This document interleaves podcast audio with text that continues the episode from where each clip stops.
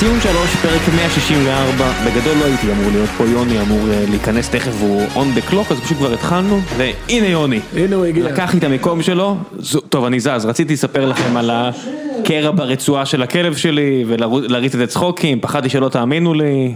מה שמת? שב, שב, לא שמתי כלום, שב, אתה לא הולך לשם. יש לך ריח של אלכוהול, השעה חמש גם בערב. איחר וגם אלכוהול. אני רוצה להגיד לכם שיוני נכנס עם אה, גופייה לבנה, ריח של אלכוהול. כן. כן, שנייה אחת, אני אכוון אותך. אה, יוני, פרק הבא אתה מזמין את כולם לארוחה. האמת שזה נכון גם. גם אותך. בדיוק. לא את כולם, אבל אני לא ומשה, כן, משה. מקבל פירה, כל השאר מקבלים המבורגר. אגב, משה לא פה היום כי הוא שמח, אנחנו לא רוצים אוהדי בית"ר שמחים. למה הוא לא בא היום באמת? הוא שמח, לא טוב לנו. טוב. יוני, זה חמש אלכוהול דקות. ג'ל, נכון? אני לא אשב, אני. אשב. כן, לא, שמתי אוקיי. אלכוהול ג'ל בכניסה. אם זה מה שאתה שואל. הכל בסדר. לא עשית כבר באמבל פרק שיכור. אתה יודע, יותר מפעם אחת. אבל אה, לא, שמתי אלכוהול ג'ל בכניסה. מתי תהיה מפורסם? אני מחכה שתהיה מפורסם כדי שאני אוכל אה, לעזור לך. בוא נראה, אולי עד הפרק הבא. טוב, עולם העיתונות הישראלית, מה תאמינו לי. פספסתי כבר? תחזיר לא, את ה... התחלנו רק. את האמת, התחלנו ממש כרגע, יש, כן. הייתי במשחק בלאומית פעם, ששחקן הגיע 50 שניות אחרי הפתיחה, כי הוא היה צריך להשתין רגע, אז זה היה איחור ברמה הזאת. אז אני אני שקלתי אם לפרסם את הפציעה של הכלב שלי, אני אפחד שאנשים יחשבו שאני אה, צוחק איתם, שזה כאילו להעליב שחקנים, אבל אנחנו לא נעשה את זה. הוא באמת קרע את הרצועה ותכננתי להגיד שהוא הולך לדפוק פוסט של אה, אני אחזור חזק יותר מאי פעם וכאלה, אבל לא, באמת ספורטאים עוברים פציעות וזה מבאס לאללה, אז אני לא לא- לא צוחק על זה, זה פשוט... אנחנו נדבר על הלבוש שלך היום, ראם?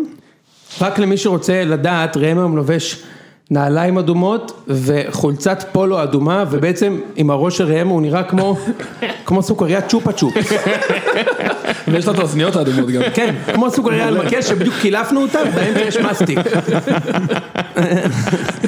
גם התחתונים אדומים, למי שש- למי ששאל. בסדר. מה זה לכבוד הניצחון הראשון בפלייאוף? כן. מחזור תשיעי של הפלייאוף. הגיע ניצחון הזמן. כן, אתה יודע, יוסי תכף עוזב. הרי מה- תיתן למאמן שיש לו את הכל? מקל. נבחרת- ישראל. יפה מאוד. כן. אוקיי, אז בואו, עשינו lineup להיום. כן, נתחיל עם אה, מכבי חיפה, מכבי יש תל לנו אביב. מכבי חיפה, מכבי תל אביב, זיו הכנת איזה פינה אני מניח. יש את ההמשך של הפינה הקודמת. מצוין, אהבתי אותה מאוד, ונעשה גם כמובן, לא נפספס את המצעד, שוד דעת מתבצע, וזהו, נסיים בהימורים אחרונים, ו- וזהו, נכון? אין אין לנו המון זמן, אנחנו נצטרך לרוץ. כן, אין לנו המון זמן. אז יאללה, בוא נתחיל עם המשחק של אתמול, מכבי חיפה מארחת את מכבי תל אביב, והיום בבוקר כבר התחלתי לשמוע, האמת, אושרי, גם כבר אתמול התחלתי לשמוע את זה ממך, שמה? אבל אני לא, לא אאשים אותך בזה ששדדת, כי, כי לא שדדת בתכלס, ששתי הקבוצות היו עם הרכבים חסרים. עכשיו תשמע, כאילו, אתה מכיר את המשפט של ג'ורג' מסיינפלד? It's not a lie if you believe it? יפה. אז אם אתה מאמין שחיפה היו בהרכב חסר, וכאילו, כי חיפה באמת לא היו בסגל מלא, כי כן. אשכנזי וחזיזה לא היו, וגם מכבי היו בסגל חסר, כי תשעה שחקנים מהסגל לא שיחקו, אם אתה מאמין שזה מבטל אחד את השני, ובעצם, אז מכבי לא ניצחה אתמול בסגל חסר את חיפה בחוץ, אז אפשר להגיד שזה לא שוד. בכל מקרה אחר, מדובר בעיניי ב... בוא נגיד ככה, זה הניצחון הכי מעליב שנתנו לכם בעיניי. מאז, הניצחון ה- הקודם, מאז בסיבוב הראשון. ה-6-0, לא נכון. מאז ה-6-0, שאחריו הפסדנו את הגמר גביע, זה בשבילי הניצחון הכי כאילו מעליב, יש אוהדי חיפה שהתווכחו, שהיו יותר מעליבים, יש אוהדי מכבי שהתווכחו שהיו יותר מעליבים, אתה מבין, יוני הגיע שתוי כולו, מאלכוג'ל ודברים אחרים. בא וישר לאלימות. הרצפה, ההוא פועט לה בראש. בוא'נה, אני חייב להגיד, א', אני בחופש. זה רדניק, הוא-. הוא נכנס לקרוון ומתחיל השבוע לצעוק עליה. בחופש. שתדע שאני כל השבוע בחופש, אז אם רוצים אפשר להקליט גם פרק מחר. דבר שני, אני לא שיכור, שטפתי את הידיים אדם, כשנכנסתי. זה כדורגל ישראלי, גם שעה, כאילו, אני לא יודע על מה נדבר בעשרה לשבע, עכשיו 6:07, אתה מדבר איתי על גם מחר נקליט פרק, מה אמור לקרות עד מחר? אין לי בעיה להודות כשאני שותה. במקרה עכשיו אני לא שתוי. רגע, שתיתי יום. כוס יין בצהריים. לא, אבל רגע, קודם כל, אני, אני, אני לא מכיר אוהד של מכבי חיפה, שכאילו רץ על הנרטיב הזה, של גם אנחנו היינו בהרכב חסר, בסדר? אני לא מכיר מישהו כזה. כאילו בוא נקבל את זה רגע, כאילו, אתה יודע, אומרים באנגלית, כאילו take it on the chin, כאילו תקבל את האגרוף לפנים רגע. זה היה אחד ההפסדים היותר מבאסים, כי מכבי תל אביב הגיעו למשחק ש... מכבי תל אביב הגיעו בסוג של ווין ווין. כי אם הם היו מפסידים את המשחק, בסדר, נו, הרכב שני, הרכב חסר, יש לנו את כל התירוצים, את כל הסיבות הלגיטימיות. ובמשחק שכאילו, ואם אתם לא מפסידים את המשחק, אז כאילו בואנה, גם עם ההרכב הזה אתם לא מנצחים אותנו, וזה מה שקרה. קצת כמו שאני באתי ל pod הזה, שיכור, באיחור, שלא יודע מה ה lineup, ועדיין לא תצליח לשדוד דעה יותר ממני לא. לא, אני לא מנסה לשדוד דעה. מתיישב, כן, אתה קוטע- צודק. קוטע את הסיפור על הפציעה של הכלב, מתיישב, אז על מה אנחנו מדברים היום? האמת שאתה צודק, אני חושב שתכף נשמע גם את חברי המלומדים, אבל לנו היה באמת לא רק מה להרוויח, אבל בעיקר מה להרוויח, כי כמו שאמרת, ניצחון של מכבי וזה, אה, אה, ניצחנו אתכם זה, הפסד זה זה, מצד שני, יש לזכור שלפעמים, זיו אמר את זה ראשון בציון, לפעמים אה, ניצחונות קטנים מתחילים משהו גדול, למשל לפני שנתיים כשמכבי תל אביב ניצחה את באר שבע בהפסד הראשון של באר שבע בטרנר במשחק אליפות של באר שבע א' היה שם, שם זיו ואני הבאנו שם קומבו נבואה מטורף, זיו אמר אם מכבי ינצחו זה ישבור את טרנר ואני אמרתי ואם מכבי ינצחו מגול של דור פרץ בכלל ואז הוא שם את הגול, אתה זוכר את זה? היה בטח, הזוי. גול מדהים. בעט מ-30 מטר, כן. כן בסדר, ואז כאילו, בסדר. כאילו משהו, ובאר שבע לקחה אליפות ועוד אליפות שלישית רצוף, בוא, כאילו זה היה שושלת וקרה מה, מהניצחון הקטן והלא חשוב הזה, מסכים. קרה מה, בעונה מעליבה של מכבי, קרה משהו, אז, אני, אז היה לכם, היה למכבי כן מה להפסיד, כי אם חיפה הייתה מנצחת אתמול, אפילו 1-0 מגעיל, יש מה להרוויח, אבל בסופו של דבר אתה צודק, לא יכולתם לצאת מדהים מהמשחק הזה, וצריך לומר שלא יצאתם גם מדהים. תקשיב, בכר- שעומד להגיע והולך להביא איתו את אה, א' ביטון ואת אה, די בן כבר סער, לשווק אותם, אף אחד לא ייקח אה, אותם. ייקח, די. ייקח כמו גדול, ייקחו אותם. ורק אני רוצה להגיד שאם חיפה היו מנצחים, לא- יכול להיות שזה היה עוד מש...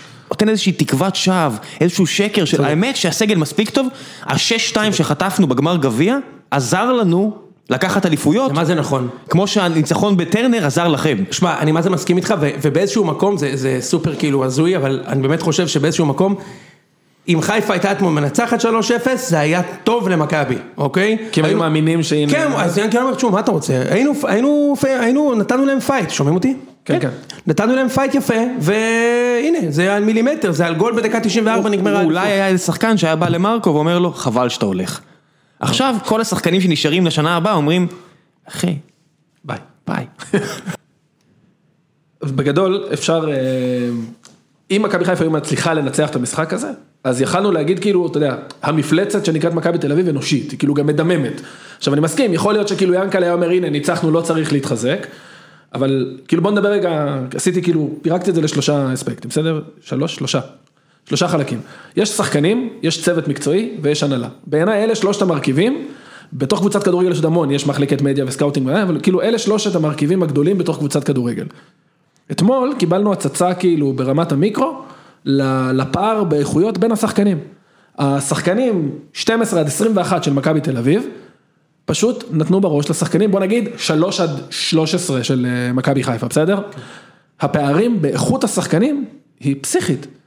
וכאילו זה נורא מבאס, זה שם מראה כזאת או כאפה כזאת, שכאילו, תשמע, הפער פשוט עצום, ברגע שג'בורית, שסבורית וג'רלדש, אהבתי את ה... זה המגנים, זה זה השילוב כמו ביחד. שיש, אתה יודע, שילוב של... הם- מסי, סוארז, אה, נעימר בדיוק, חשבתי על חילוב, יפה, חשבתי על חילוב של איזה... אני על הסולימה חשבתי. בדיוק, אני חשבתי אולי על איזה חטיף אפילו, כזה, אתה יודע, ביי, ראם. אה, אבל לא, בסדר, אוקיי, כן. בקיצור, ברגע ששני המגנים סגרו את. האגפים, ז'בורית שזה ג'רלדש וסבורית, חסמו את זה, דור פרץ וגלאזר חסמו את האמצע, נגמר הסיפור.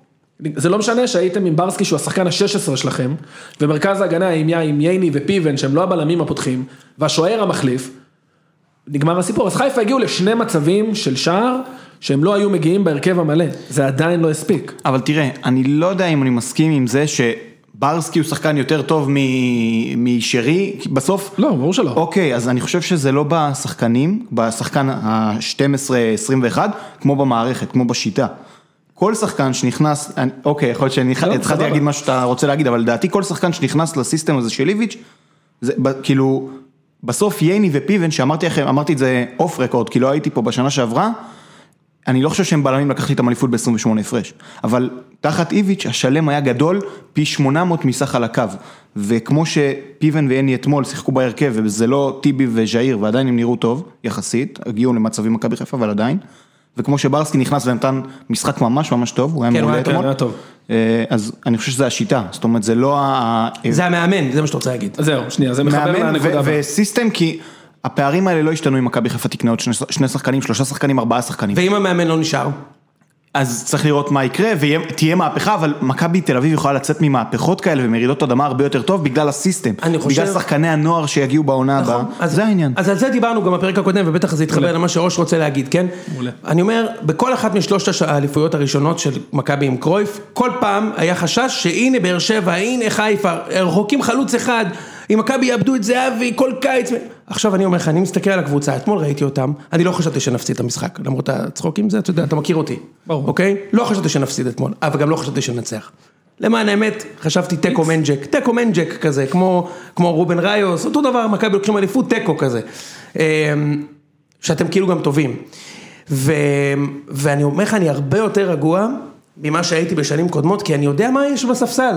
תקשיב, אני יודע מה יש בביתר תל אביב, אני מכיר את השחקנים, בתקופה של קרויף לא היה לי מושג מי הם, אוקיי? לא ידעתי מי זה ברסקי, כמובן ידעתי, אבל לא ידעתי אם הוא שחקן, לא ידעתי אם דור פרץ שחקן, לא ידעתי אם גלאזר שחקן.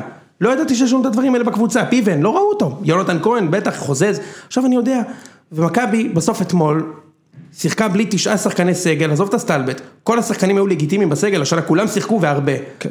החל מאצילי וגולסה ושכטר וטיבי. וטננבאום ומיכה ו- וצ'יקו. תשמע, ובסוף עלו אתמול 11 שחקנים, שאתה אומר, בואנה, מה זה, מה זה? בלקמן בקושי שיחק, כאילו, מה זה ההרכב הזה? הם. עדיין יכולים לקחת אליפות. ו- ועדיין יכולים... הם עדיין יכולים הם- לקחת אליפות. כן, תשמע, יכולים... אולי לא לצאת- ב-15 פור, אבל הם יכולים לקחת יכולים, אליפות. לק- יכולים להיות טובים, בוא נגיד קבוצה חזקה, עכשיו לדעתי בלי מאמן קשה, או, זה הנקודה הבאה שלי. קשה, זה בדיוק זה. אני אגיד לך עוד משהו אגב, זיו, זיו אתמול, דוד זאדה נכנס, זה פעם שנייה. שהוא נכנס והוא מדהים, מה זה, מה זה הקטע ההזוי הזה שהוא פתאום טוב, אוקיי, כאילו, מה, אני מכיר את דוד זאדה, זו שנה שלישית במכבי, שנה ראשונה נתן חודש טוב, אחר כך כל העונה חורר אותנו, שנה שעברה לא שיחק דקה כי סבורית, בואנה השנה, תקשיב, הוא לא עשה אף טעות, גם במשחקים ששיחק, בדרבי נכנס כמובן אנחנו מדברים ליגה, אירופה זה משהו אחר. אז הוא לא לרמה הזאת. בליגה, הליגה הישראלית. בדרבי הוא נכנס 0-0, ניצחנו 3, ביתר גם, ואתמול גם, ביתר משחק 90 דקות לדעתי. ואתמול. נכנס מחליף, הוא היה מצוין. מה, מה זה הקטע הזה שדוד זאדה פתאום טוב? אני חושב שזה מאמן. איך זה יכול להיות שהוא טוב? לא, אבל הוא טוב כי הוא שיחק ליד הגנה ומרכז קישור. תשמע, שיש לך את פרץ וגלאזר באמצע, וסבורית משחק לידך בלם לגבות אותך. תמשיך לעלות. שלך. אה, אני רק אגיד על השחקנים. מכבי חיפה, הפער ממכבי תל אביב הוא 15 נקודות. אה, 12 מתוכם זה בהתמודדות הישירה. נכון. מכבי חיפה צריכה להבין שהסגל שלה מספיק טוב לנצח את כנראה את כל יתר הקבוצות, נכון. לפחות באותה רמה כמו מכבי תל יפה. אביב, כן, מאוד קרוב לזה, כמו מכבי תל אביב, אותו דבר. והאליפות פחות או יותר הלכה לאיבוד על המפגשים הישירים. עכשיו, כדי להתמודד מול מכבי תל אביב, חיפה חייבת לעשות שינויים, בעיקר בהגנה לדעתי. זאת אומרת, מבוקה הוא מאוד טוב נגד יתר הקבוצות התקפית, אתה רואה שנגד מכבי תל אביב זה לא עובד, סיינסבורי, ארד מאוד טובים עם הכדור וזה אחלה שאתה יוזם. שמגיעים מול המכבי תל אביב, הם נדרסים. תשמע, ארד אתמול, המשחק הכי חלש שלו העונה, הוא היה בפאניקה, הוא היה בפאניקה רבתית כאילו. מבוקה וסלליך שם ניסו לעשות על הקו את אותו תרגיל חמש פעמים, לעשות כאילו טים-אפ של שתיים על אחד על הקו. לא הצליחו, פשוט לא הצליחו. זה לא מספיק טוב מול מכבי תל אביב, ונראה לי שהשלב, כאילו העליית מדרגה הבאה, היא להתחיל להגיד, אוקיי, איזה שחקנים אני מביא, שאנחנו עכשיו יכולים לעמוד מול מכבי תל אביב. זאת אומרת, איזה מגן אני מביא שיכול לעצור את, אה, את יונתן כהן לצורך העניין אם הוא יהיה. ב- זה בהנחה שמכבי נשארת בסגל מלא. הכל בהנחה של, של הסגלים דומים, אבל תשמע בוא נגיד מכבי תל אביב, בהנחה והיא לא תיחלש דרמטית, אז לא יהיה יונתן כהן, יהיה שם אילון אלמוג. אני לא בטוח שהיום נגיד מבוקה יש יש פערים, יש פערים. אבל אני חושב, אין בעיה, אבל אם בקרבות יביאו של- מישהו ברמה בקרבות של הזאת. קרב צמרת נגד קרב צמרת, בדרך כלל זה מוכרע לאמצע. אנחנו רואים את זה גם לפי נכון. השליטה, מכבי תל אביב בשלוש אליפויות, היה להם את הפאקו פרס, היה רדי, מיטרוביץ', אלברמן, מי יודע שם. אייבנדר היה- אייבנדר, הרבה חבר'ה, אחרי זה באר שבע הפכו את זה עם המשולש של אוגו, רדי ואובן, אובן. ועכשיו מכבי תל אביב עם השלישה, עכשיו, אני לא זה חושב שאתה יכול שלישייה, יש לה להביא, שם שישייה, באמת. כן, נכון. יש שם פשוט שישה שחקנים שהם, כן, אם זה כאילו מעבר לשלישייה הלוחצת, זאת אומרת ההרכב היחסית אפור של ליביץ', יש שם את ריקן, ויש שם את מיכה, ויש שם את אפמי, יש שם המון המון שחקנים שיכולים, ברסקי שנכנס פתאום והיה מצוין, יש שם המון שחקנים שיכולים להיכנס, אז יותר מלחשוב על איזה מגן יכול לעצור את יונתן כהן, אני חושב שצריך לחשוב על איזה קשר יכול להתמודד עם העוצמה הזאת אז אני אומר. אני חושב שצריכים, שוב, נגעת בזה מקודם, בסוף היום זה משחק של התאמות. אני חושב שאם תביא שמונה טוב, שיכול לעזור גם בחילוצים, נגיד כמו גולסה כזה, לאמצע, גם מרכז ההגנה שלך יראה יותר טוב. אני חושב שאחת הסיבות שגלאזר נראה מדהים, זה כי יש לו את אה, ג'רלדש ושסבורית. הם סוגרים לו את האגפים, הוא יכול לחכות בחצי שלו ולקחת כדורים, שנטע הרבה פעמים צריך לצאת, לרוץ ימינה, לראות שמאל, לסגור חורים של סן מנחם ומבוקה. אז צריך לעשות האיזונים, אמצע זה נקודה אחת, לדעתי גם מרכז ההגנה, גם סיינסבורי וגם ארד, הם מאוד טובים עם הכדור, הם אחלה, אבל נגד קבוצה שלוחצת אותך, זה לא זה. לא זה.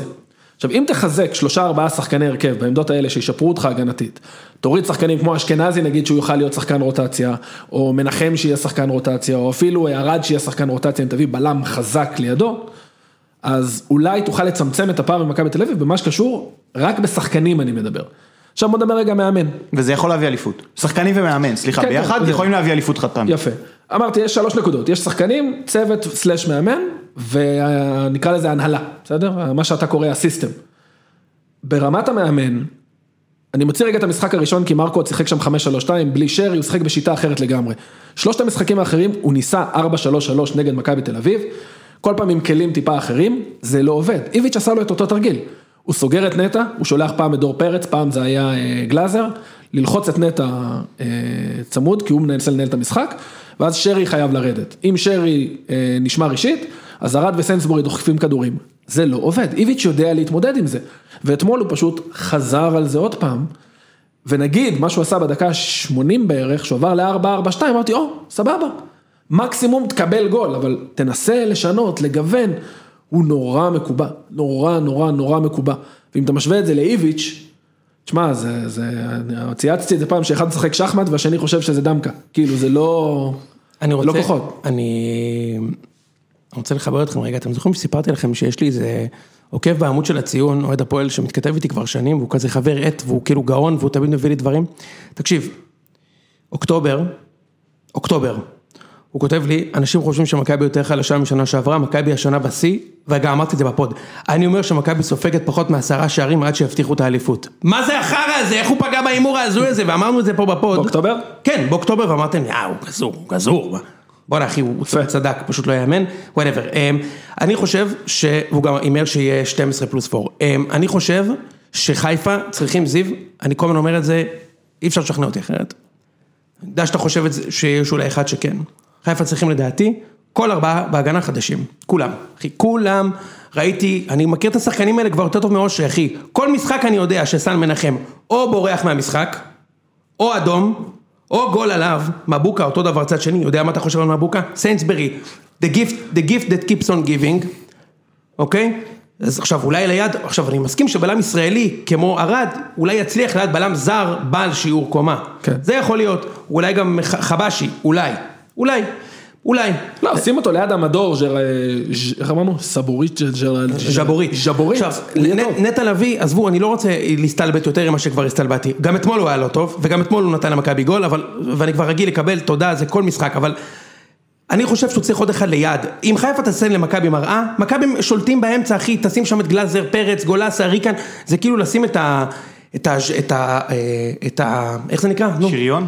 את האפוד אה, קרמי, ואת... מה אתה יכול לעבוד שם, אחי? אתה לא יכול לעבור, לא משנה אם אתה עם הלוי. כשיש הוא לוי, הוא שם אותו ליד מקסים ושרי, אין מה לעשות. לעומת זאת, אם היה ללוי לידו איזה. מוחמד, נכון. גולסה, מוחמד, נכון. זה אוגו. כבר... בדיוק. הוגו? כן? הוגו. שחקן כזה ליד לביא? בהחלט, ואז אתה משחק אחר. אז הוא יכול לשחק כאילו 4-2, 2, 3, 1, עם שרי בשפיץ של הקישור. בדיוק, 4, 2, 1, 3 כאילו, בסדר? 4, 2 ושרי מעל. אוקיי, יכול לעבוד טוב, יכול לשים בלוק יפה, סוזה עשה את זה פעם, נגד חיפה בקריית אליעזר. עד אז, אין מצב, אחי, זה לא משנה אם חיפה עכשיו יחתימו בשפיץ את... ישאירו את רוקאביצה, ישאירו את שרי, ישאירו את ווילדסחוט. כל משחק אני בא נגדכם. האמצע, האמצע גומר אותנו. מכבי תל אביב נגד חיפה בליגה 29 משחקים אחרונים, חיפה ניצחה פעם אחת. פעם אחת, אחי. אין מאזן כזה לאף קבוצה, זה מחריד. עכשיו, מי נמצא שם כל התקופה הזאת? אתה פחות או יותר יודע מי נמצא שם כל התקופה הזאת, יאללה, הביתה. אחי, מה, לא, מה, אבל לא, שוב, אתה כאילו, אני אומר בסוף היום זה משחק של התאמות. כי אתה אתה מכוון לנטע אני מניח. לא, ממש לא, אני אומר, יש, אין לכם הגנה שיכולה לעצור את שכטר. עכשיו תחשוב שמכבי סבבה, שנה הבאה לא, מביאים לא, חלוץ. בסדר, סיינסבורג הגיע השנה, אם אתה מדבר עליו לצורך, אני אומר, גם אבל שנה זה משחק שעברה, מי היה בלם שם? ריינן, גם שכטר עשה עליו גול. אין בעיה. אני אומר, סיינסבורי מעולה עם הכדור מול קבוצות קטנות, שבא חלוץ, מהיר, חזק, זה לא עובד, ואני מת עליו. עכשיו, אני לא חושב, מה שאני אומר זה דבר כזה, מאשימים הרבה את מרקו בלבול והכל טוב. אני לא חושב שבכר, שהוא בכר יודע להעמיד קו הגנה ובכר גם יודע להקשות על קבוצות דומיננטיות, אני לא חושב שעם הרביעייה הזאת, יש לו סיכוי. אין לו סיכוי, אחי. מה, סתם מנחם יותר טוב מאורן, אה, פחות טוב מאורן ביטון? בעיניי לא. בעיניי לא, אחי. אני מסכים. בן ביטון ומבוקה, מ, לא יודע מי יותר טוב. מבוקה יותר טוב התקפית. מבוקה התקפית, בן ביטון הרבה יותר, בן ביטון עילוי הגנתי. יפה, בן ביטון יותר טוב בהגנה. בלמים. תשמע, אתה יכול להשוות? שיר צדק ויטור ואלוהי איתה מול... הקו של הגנה של באר שבע יותר טוב. תשמע, עכשיו ברור, אין לברק בכר את הוגו ואובן, שזה, אתה יודע, אין, אין כאלה דברים. זה כמו שגלאזר מטאטא 50% אני לא יודע אם מהגלאזר. בכר- שני, יש לו לא את-. יש לו את רוקאביצה, שב... שהוא כמו בן סער, יותר כאילו. מ- זה, אני אומר יותר מבן סער, ויש לו את שרי, שעם כל האהבה שלי למליקסון, וטוב, לוואקמה לא, אבל הוא שחקן דרגה אחת מתחת לוואקמה.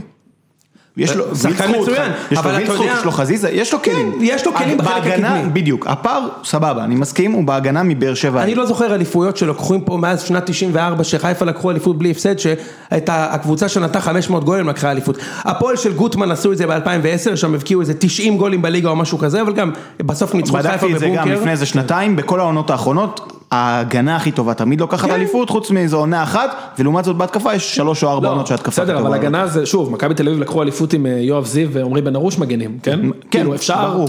אם יש התאמות, זה מה שאני אומר, אם תביא אמצע חזק, בלם טוב, כל משחק ההגנה נראה אחרת. עכשיו רק ניגע רגע בפערים במאמנים. תשמע זה נוקאוט ברמות אחרות, אתה יודע מה המאזן של ליביץ' מול בלבול, אחי זה מחריד, 7-1. אפשר גם, אחרי זה נדבר על מה שאיביץ' עשה טקטית, כי הוא עשה משהו יפה. מי התחיל שנה שעברה בחיפה מאמן? רוטן. רוטן? כן. הוא הפסיד לו 2-0 ואז בלבול הגיע, זה לא 7-1 זה 6-1. רוטן, ואז גוטמן היה לשני משחקים, ואז... כן, אה, כן. בסדר, בלבול היה שלוש שלוש פעמים נגד מכבי שנה שעברה וארבע השנה. שש אחת לאיביץ', הוא ספג ממנו גול אחד. כאילו, לא, שלושה, מה זה תיקו שש אחד. שבעה שש- משחקים, שש. כן. איביץ' ניצח שש, זה והמאזן השם הוא 15-5. בסדר, 15-5. הלאה, תמשיך. אתה רוצה לדבר טקטית על מה היה? אני אשמח. יאללה, בבקשה. אני חושב שהתוכנית משחק של איביץ' הייתה אותה תוכנית משחק מה-4-3 ההוא. בדיוק. מה שהוא עשה, הוא עמד בשני מערכים שונים בהגנה. בשליש הקדמי, זאת אומרת איפה שמכבי חיפה מניעה את הכדור קרוב לשוער, הוא הכניס את יונתן כהן ללחוץ מאגף שמאל, ואז הרביעייה של הקישור הכילה את פרץ, את ברסקי, את אה, גלאזר, וחסר לי שחקן אחד, פרץ ברסקי, גלאזר, מה אתה רוצה? וקשרים. כשיונתן כהן יוצא. קדימה, אלמוג, זה היה- אלמוג. ואילון אלמוג, יפה, זה היה הרביעייה. למה הוא עושה את זה? יש פער מאוד גדול, וזה מכוון, מכבי חיפה תוקפת ככה, בין מבוקה לבין עופרי ארד. מבוקה בבילדאפ עולה מאוד מאוד גבוה, איביץ' רוצה לנתק את הקשר הזה. אז הוא מכניס את יונתן כהן מהצד, ללחוץ את עופרי ארד, ברגע שאין לו קו מסירה למבוקה, שאר הקשרים באמצע סוגרים גם את קווי המסירה, הוא לאט לאט מתקרב אליו, ומאלץ אותו לעשות טעות או לחטוף אותו כך הגיע הגול. נכון, הם- הוא גם עשה את זה ב-4-3 מושלם, התכוננו לזה כל השבוע, כי אחרי 4-3 היה אה, ביתר מכבי תל אביב. אז התכוננתי לזה, ראיתי את המשחק באמת עשרות פעמים, אה, נגדנו הם עשו את זה עם אצילי. אבל במשחק נגד מכבי חיפה הוא עושה את זה ספציפית עם יונתן כהן, ברגע שמכבי חיפה מצליחה להתגבר על מה שקורה שם ועוברת לשליש האמצעי, דור פרץ יוצא קדימה, יונתן כהן הולך לאגף חזרה, ואז משחקים עם פרץ שסוגר אישית את נטע לביא, גם כשהוא יורד איתו אחורה, זאת אומרת גם אם הכדור לא מגיע לנטע לביא, הוא יוצא איתו ומונע את, ה, את, את ההתקפות של נטע לביא על הריבאונד של הכדור. גם ב-2-0 פרץ שיחק על נטע לביא. נכון. בגלל זה הוא נראה- היה קדמי כן, כן. הרג אבל הם לא עשו, נכון, אבל הם לא עשו את הקטע עם יונתן כהן. עם הכנף שנכנס לקו לחץ, הם שיחקו עם דור פרץ קבוע בקו של החלוץ. גם יונתן שיחק בצד, כן, נכון, אתה צודק. ו... יונתן שיחק בצד ימין במשחק ההוא. אבל הפעם, יכול להיות שזה בגלל שגולסה לא היה, קשה לי להאמין שזה בגלל זה, אני חושב שמכבי חיפה באיחור של משחק פלוס 45 דקות, מצא את הפתרון איך לפתוח את הדבר הזה. אני ציפיתי מאיביץ', כשהוא הכניס את דוד זאדה, לשנות מערך. אמרתי... כן שינה מערך. אבל דוד זאדה לדעתי נכנס לעמדה נכנס של. אה, יונתן כהן. כן, ויונתן לא כהן זז. לעמדה של אלמוג. נכון. אני ציפיתי שישנה מערך, כי הוא אומר, אוקיי, פורצים לי את הדבר הזה, רגע אני שנייה, רוצה אבל לשנות אז את שכטר נכנס. אבל אני מדבר עוד לפני ששכטר. נכנס. אחרי ששכטר נכנס הוא החליף, אבל לפני כן הוא נכנס ממש כנף. דווקא החילוף עשה טוב למכבי. בדיוק, הנקודה שלי, אני הייתי בטוח שהוא ישנה מערך, כי משהו לא עובד. הוא לא שינה מערך, הוא פשוט הכניס את דוד זאדה שיתחיל לרוץ שם, כי יונתן כהן, הוא רצה אותו עם הכדור ולא בלי הכדור, וזה עבד. הם סגרו את מכבי חיפה עד שהיא עברה ל-442.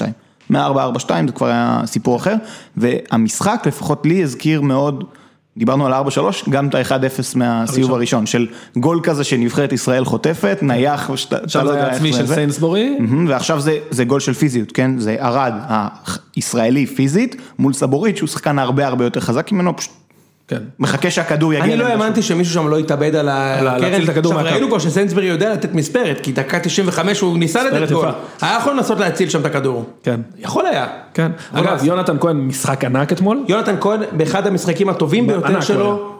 תקשיב אחי, משחק הוא מושלם. פרפר אותם. כאילו אם היית לוקח אחורה ומוריד את המספר, אני אומר לך- זה זהבי, אוקיי? כאילו בתנועה, במלחמה, בהכל, תקשיב, הוא היה הוא פנטסטי. דריבל היה לו מדהים, לזהבי פחות, אבל... אה, לא, לא, הוא עשה, אבל הכוונה היא... הוא- התנועה המדהימה. תשמע, אה, זהבי במשחקים, לא בליגה, באירופה, שמכבי היו כאילו במגננה, כמו אתמול, היה לוקח את הכדור, ואתה רואה שהוא גם יש לו טכניקה מצוינת, הוא כאילו יודע לשמור, הוא חכם, יודע איך כאילו לשים את הגוף שאי אפשר יהיה לקחת לו. לא, לא, הוא היה מעולה אתמול. יונתן היה גדול אתמול. כן, והוא הרוויח גם מאוד, פעם ראשונה שאני רואה ממש את השיפור הפיזי שהוא עשה בפגרה של הקורונה. הוא נתן משחק של קפטן אתמול, יונתן, שתדע לך, משחק של קפטן. כן, אז אני אומר, רגע, ודור פרץ, אם היה לו, אתה יודע, מה שנקרא במנג'ר finishing 12, הוא מסיים אתמול עם שלושה. כן. כאילו, מה, אם הוא? היה הוא finisher גרוע, היה לו שלושה. כן, כן. ה shot שם שהוא נתן למשקוף, אחי, איזה גול. זה יכול להיות. איזה. גול. הוא נתן פס, רק הוא נתן עם הקרסול שם את הכדור. כן. כן. עם הג- עם הגרביים הוא בעט, הוא בעט, עם הגרביים הוא בעט. לא, הוא בעט עם הגרביים, הוא בעט. בדיוק. אה, בקיצור, כן. תשמע, אבל פרץ כאילו שיחק את העשר, צריך להגיד, פרץ הוא שחקן חכם מאוד, כאילו, הוא זז נכון, הוא... קאפ. תשמע, בסוף פרץ הגיע לחמישה מצבים של גול, זה הזוי. כן, מה, כאילו, מי עושה את זה? פשוט...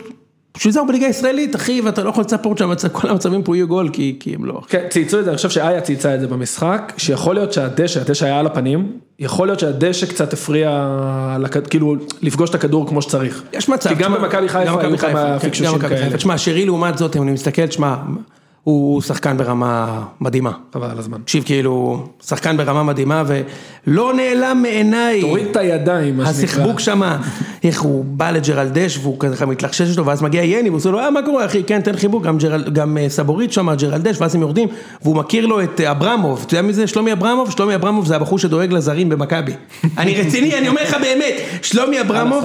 מועסק על ידי מכבי והוא מה, אתה דואג רוצה עוד לזרים יוסי אתה רוצה? והוא לוחץ, אה, מה קורה, אברמוב, יאללה מצוין, מחר הולכים לראות את הדירה בכוכב הצפון. איזה כיף, תשמע, איזה מחטף זה יכול להיות. זה הדירה של אתה רואה את בזמנו. הכותרת. יאללה, איזה כיף זה יכול להיות. קטיף דובדבנים. בדיוק. קטיף דובדבנים. וואי וואי וואי. אני מת אם אתם- אם זה קורה. כאילו יכאב לי יותר מה... דיברנו על זה. די כבר, אל תגזים. תגיד, אתה רוצה שנגיד כדי שנפעיל את הסירנה? זה לא. סירנה. תגיד. אני- שוב, אני מת על שרי. תגיד, אמרתי שזה יציק לי יותר מהמעזב של, מה- מהמעבר של בניון. שוד דעת מתבצע.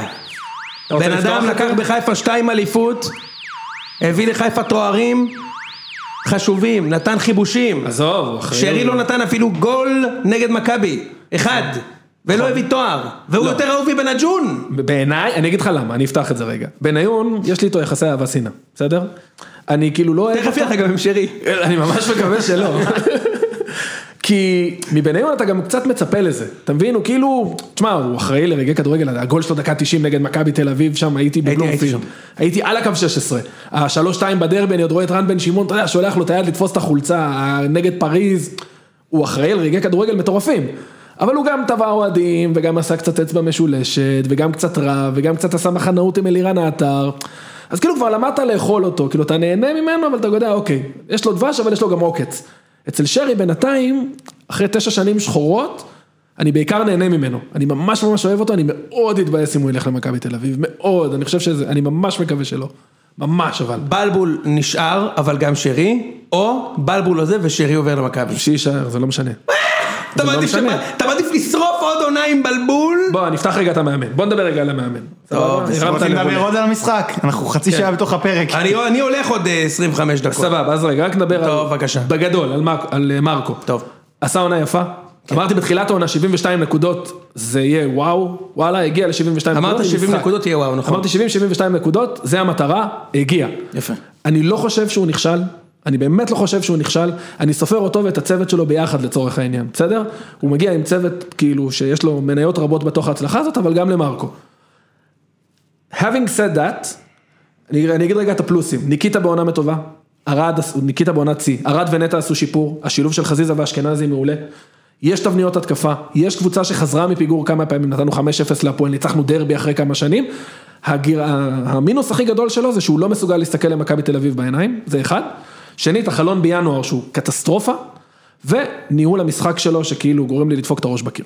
עכשיו, אחרי שאני שם אותו מול בכר ברמת מי מאמן יותר טוב, אני חושב שבכר מאמן יותר טוב. הוא יותר מנוסה, הוא לקח אליפויות, הוא יותר מגיב למשחק, הוא יודע להעמיד קו הגנה, הוא יכול להסתכל למכבי והוא לא תל אביב. מפחד עם מכבי. הוא לא מפחד ממכבי, יכול להיות שנאכל בראש. יש לו כריזמה של אלוף, שזה משהו אחר. אני- כאילו אם אתם זוכרים את האליפות הראשונה, הוא גם אה, חיובי לחוכובה. כן. עשו לו בדיקה.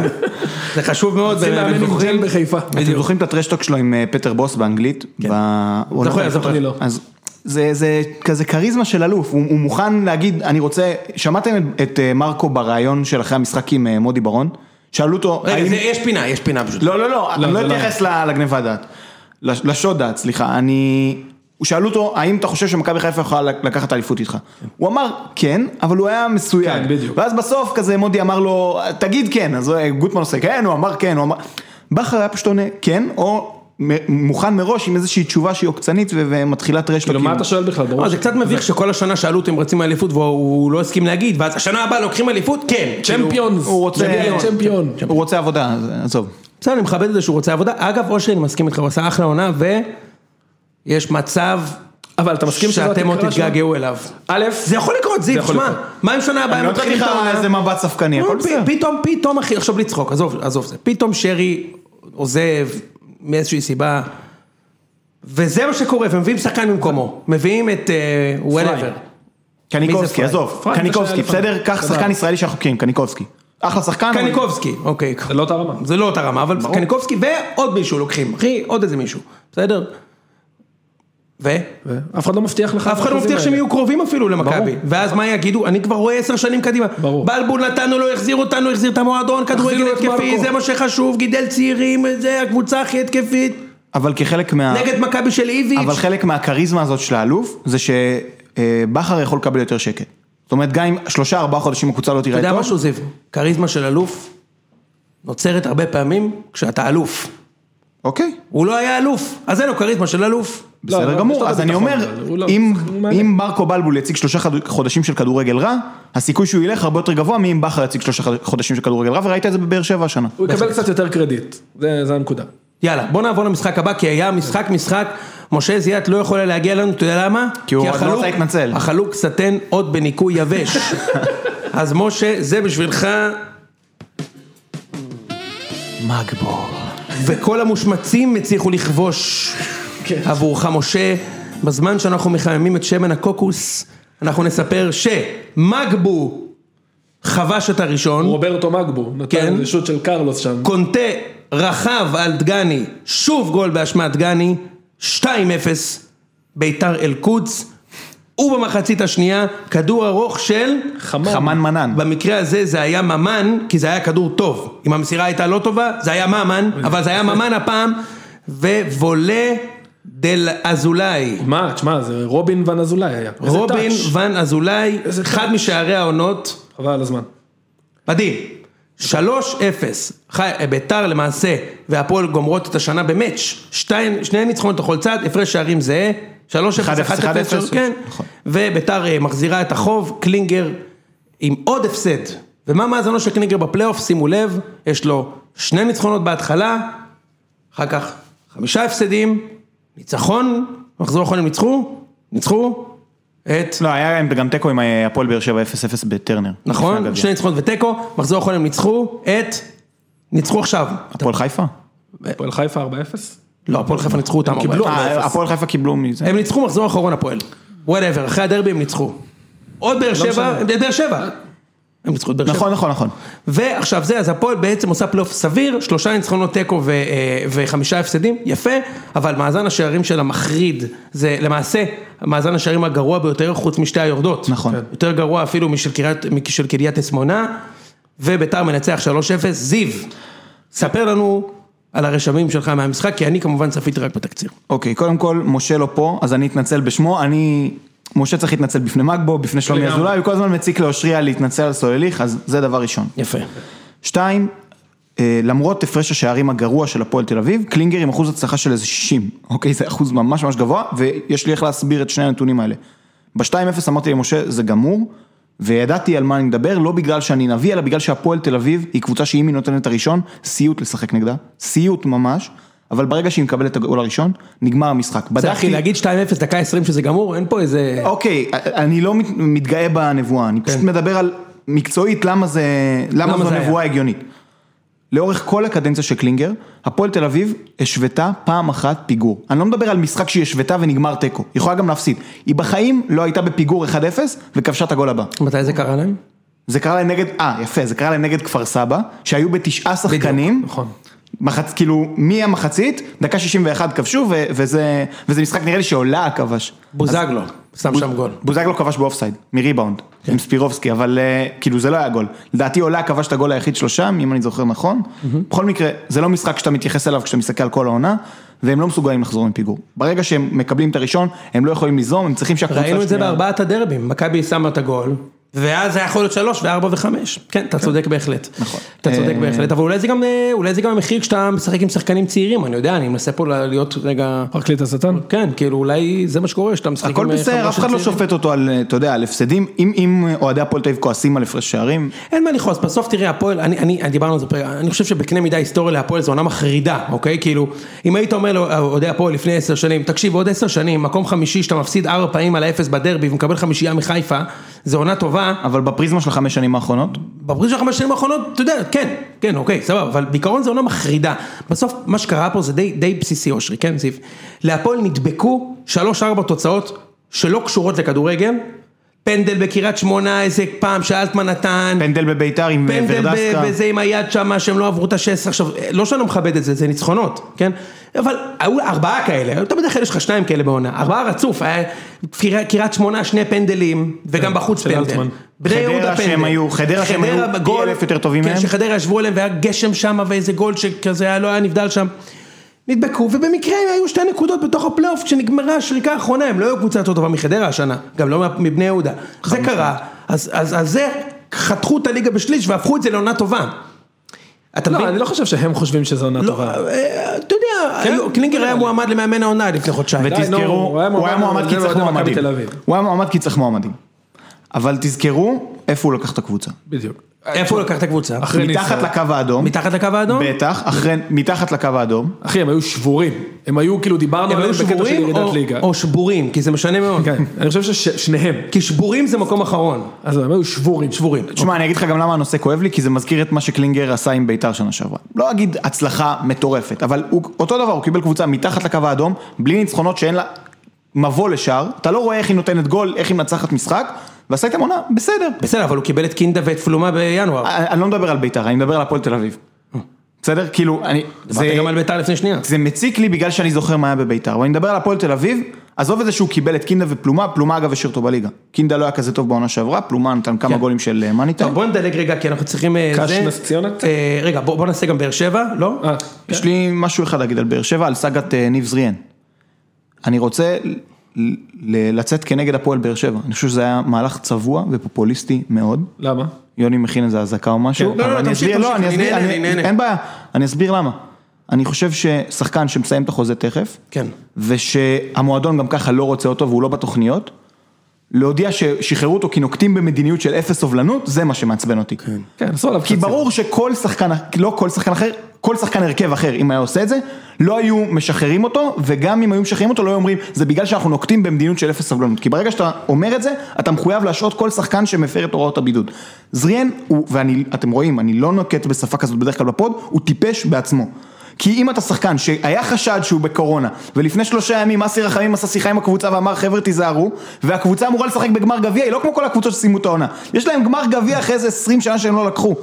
כשאתה יודע את כל הדברים האלה, ואתה נוסע לאילת עם חברים שלך מאשדוד, בגלל שלא, כאילו שאתה לא בסגל, זה בדיחה. כן. והוא טיפש, הנה, טיפש, כאילו ככה. סבבה, תשאו אותו עד סוף העונה. נכון, תשאיר בלי. הפוזה של? אפס סובלנות ובלי כל הדברים האלה. תראה, אני חושב ש... ששני הצדדים הפסידו פה. זאת אומרת, זריאן יצא, יצא כאילו לא חכם, בוא נגיד את זה בעדינות, למרות שיצא לו לראות כריש, שמעת היה כריש באילת? וככה תפסו אותו. הוא ישב על החוף שם עם הכריש, והכריש, שמעת שהיה כריש שם באילת? כן, כן, מטורף, אחי. אה, סרטון רץ בצוויצר כל הסופש. אה, ואז הוא- יצא, אין ספק שהוא יצא לא חכם. אבל גם באר שבע, זיו, אני איתך, כאילו, מה אתם מבלבלים את המוח, למה עם ז'וזווה, על קולטסה עכשיו, עכשיו קנו אותו. אם היו רואים את הקולטסה, לא נופש באילת, הולך, לא לא לאילת, למצפה הימים, אחי. לתת בבראשית שם, איזה יומיים של בראשית. גם היו משחררים אותו, אפס סובלנות. די, אחי, נו, מלקק ידיעות בסורוקה, אומרים לו בוא בוא. אני- יודע מה אני גם לא אוהב בישראל, שלוקחים טרמינולוגיה צבאית וחושבים שזה אפליקבילי להכל. אפס סובלנות, גבר, מה, זה מקום עבודה, כאילו, אפס סובלנות, אתה יכול להגיד, שמעו, ניר עזריאן שוחרר מהקבוצה. אפס סובלנות, מה אתה, ראש הממשלה נואם נגד, ה- נגד, אה, אה, אה, נגד טרור, I don't like it, שניהם הפסידו בגדול. סבבה, אבל מה שמצחיק? זה שכל מי שהיה, זה כאילו, כל מי שאמור היה ליפול בגלל הקורונה, נפל בגלל הקורונה, אתה מבין? אה, שועה, חוץ עשו. לזה, מסיבת בריכה. ההוא, זה הבא בתור. ההוא, זה, זה, אלי, אלי רנטר שהוא באמת נשמה וזה, נדבק בקורונה. אתה יודע, כאילו, אה, מה אם מי שהיה צריך ליפול? נפל. כן. אתה מה חושב הבא? שעזריאן קיבל אה, גרגר אורז עם השם שלו? הוא עשה צמידי צמיד, חופש. הוא עשה. צמידי חופש. עשה קעקוע של חצי פייה כזאת דהויה על הכתף. זהו, גם עלו על זה כי הוא קפץ מהגשר. כאילו בגלל זה זה התמונה שראו. יפה מאוד. אוקיי, בסדר, סיימנו את? החלק הזה, אה, וקצת למשחק עצמו. תראה, אה, אה, באר שבע בעצם גם עם ניצחון ראשון בפלייאוף. כן, גם. באר שבע, גם בית"ר. כן. תשמע, קשה, תראה, בסוף הפועל חיפה היו די טובים. הפועל חיפה הגיעו למצבים, כבשו איזה... להם שני שערים שנפסלו בצדק אמ- אמנם, אבל אגב, רק אתמול שמתי לב שסילבסטר לדעתי שיחק בכל הקבוצות השנה בליגה. גם בני יהודה, בני יהודה, ביתר, אשדוד. והפועל חיפה. כן. ובכולם הוא הבקיע. בבכורה. אמ, אבל הנה אתמול סילבסטר הזה, והפועל חיפה הוא בסדר. אבל בסוף משחק גרבג' של הגרבג'ים, וזכינו לראות בישול לא מהעולם הזה. כן. וואו. לא מהעולם הזה. מדהים. כן, כן. פשוט מדהים. כן. מדהים, לו מדהים. ואין ספק, וגם השחקנים של באר שבע מתחילים להבין שיש לו כדורגל. אז הם מתחילים לרוץ. כן. לאזורים שהוא נותן. הוא, הבעיה של, של ז'וזואה, אין לו הרבה בעיות בליגה הישראלית, הוא שחקן פנומנלי, אבל אני חושב שהבעיה שלי איתו, זיו תגיד לי מה אתה חושב, אולי הסטטיסטיקה מראה אחרת, ממה שאני רואה, הוא קצת אה, סטטי מדי, כאילו הוא קצת כמו קוורטרבק כזה, הוא צריך לקחת את הכדור, deep lying playmaker, בסדר? כאילו, הוא צריך לקחת את הכדור 40 מטר מהשער, ולהתחיל את התנועה, כאילו להתחיל את הפס העומק, והוא יודע לחלק פסים, כן. הכי טוב כנראה בארץ, אבל ברמה של לתת את הפס הארוך, חבל על הזמן. קצת, אני לא יודע כמה יהיה לו קל לשחק נגד קבוצות שלא נותנות את השטח הזה. רע. ההבאה של סימאו, אבל זה מה שזה אמור לפתור. זה אמור להיות, ה deep lying נשאר אצל סימאו, וה playmaker אצל ז'וסווה הוא כאילו אמור, הוא עשר עכשיו? כן, כי סימאו משחק מאחורה, משחרר את הלחץ, מוסר את המסירות הפחות. בישול יפה אגב. כן, ממש. בישול מאוד יפה. כאילו, מה ז'וסווה עשה בחיים כדי להגיע לקבוצה מקום רביעי בליגה הישראלית? שמע, כאילו איפה הוא... יש לי אני- חבר, אני- אני. טעיתי, הרי אני אמרתי שהוא הוא היה כישרון טוטאלי בגלטסראיי, which is true, אבל אני טעיתי כשאמרתי שהוא שיחק שם שישה משחקים, הוא שיחק 25 משחקים, על בסיס שנתיים. הוא היה פלופ גדול, אין לו שערים, או יש לו אולי שער אחד, אבל הוא שיחק. אתה לא, זה נקרא לשחק. מה קרה שהוא הגיע לבאר שבע תוך שנתיים? אני אגיד לך מה, יש לי חבר, אוקיי, קולגה במהלך העבודה שלי בביתר, הכרתי הרבה אנשים מכל העולם, אז יש לי בחור שאני מכיר שהוא בצוות של ה scouting של איסטנבול בשקשיר, אוקיי?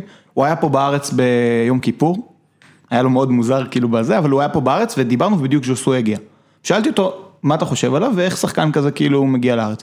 אז הוא אומר שהיה לו בעיות בחדר הלבשה, הוא היה רב עם שחקנים, הוא היה רב עם המאמן עד למצב שהוא לא הצליח לקבל סמכות ממנו, ואז הם אמרו כל הכישרון, הכל טוב, זה, הוא גם לא נתן מספרים, גם מספרים שהם לא מספרים, זאת אומרת, כן. אה, מסירות מפתח. ולא, ולא בישולים, הם- זה לא היה כמו בבאר שבע, אבל הם אמרו אנחנו לא מוכנים להכיל את זה ושחררו.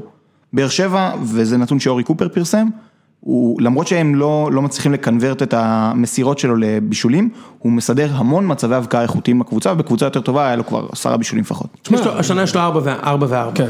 שגם כולם הושגו, רובם הושגו בגרבג' 2. והגרבג' בדיוק, חשוב לומר את זה, אבל רואים שהוא כדורגלן, ללא. ספק. שמע, נגד מכבי הוא עושה גול גדול, כן. גול אמיתי. ממש, טאץ' יפה מאוד, הוא גם- הוא גם קצת רך, זאת אומרת, אתה יכול לשים אותו עשר, אתה צריך שניים שחקנים אני לא יודע איך שחקן, אותו, שני שחקנים צודק, טובים. אם אני נגיד משווה אותו, כי זה מתבקש, להשוות אותו נגיד לשרי, אוקיי? שרי, אני רואה אותו במערך של ליביץ', אוקיי? אני רואה אותו משחק במכבי, כאילו, עובד. מה, או בכנף, או באמצע. ז'וזואה אני לא רואה משחק במכבי, כאילו אני לא רואה אותו, איך הדבר הזה קורה במגרש. הוא שחקן שצריך להתאים את הקבוצה בשבילו, הוא לא יכול... אני אומר, כן, כן, כן, לא רואה אותו. אתה לא תראה את שניהם במכבי. אני- ז'וזואה אני גם לא רוצה, אבל אה, שרי זה יהיה נחמד מאוד. איי, פרסום ראשון. יונית, אצל מאמן אחר שהוא לא איביץ', הייתי לוקח את ג'וסואל למכבי תל אביב. כאילו הוא שחקן איכותי בסוף. כן, כן, כן, בזה מסכים. טוב, נעשה את פינת השוד. רגע, קאש חייבים. נס ציונה, שאתה רוצה את אוקיי. השוד קודם? פשוט אני חייב בשבע, שזה עוד 13 דקות לקפל, אז מקסימום תמשיכו בלעדיי. סבבה. עם הטוב הרע והמכוער. את זה בסוף אני אשאיר יפה. הטוב הרע והפחות טוב, איך זה נקרא? הטוב הרע והקרוב, הטוב נכון. הרע והחצ- והחציל, אה אוקיי יפה. אוקיי, יאללה בוא נעשה את פינת השוד. אושרי אתה תעזור לי. אה, אני עם האצבע על ה... סתם, חצו אתה אתם על אתה השוד. רוצה להיות עם האצבע על הסירנה או שאתה... לא, לא, לא, אוקיי לא. סבבה. חברים, חיכיתם לזה, אין בעיה.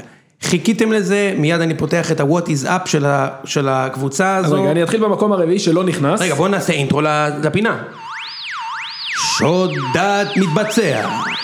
שוד דעת מתבצע בחסות? איזה חסות נראה לכם? מי יממן את הפינה הזו?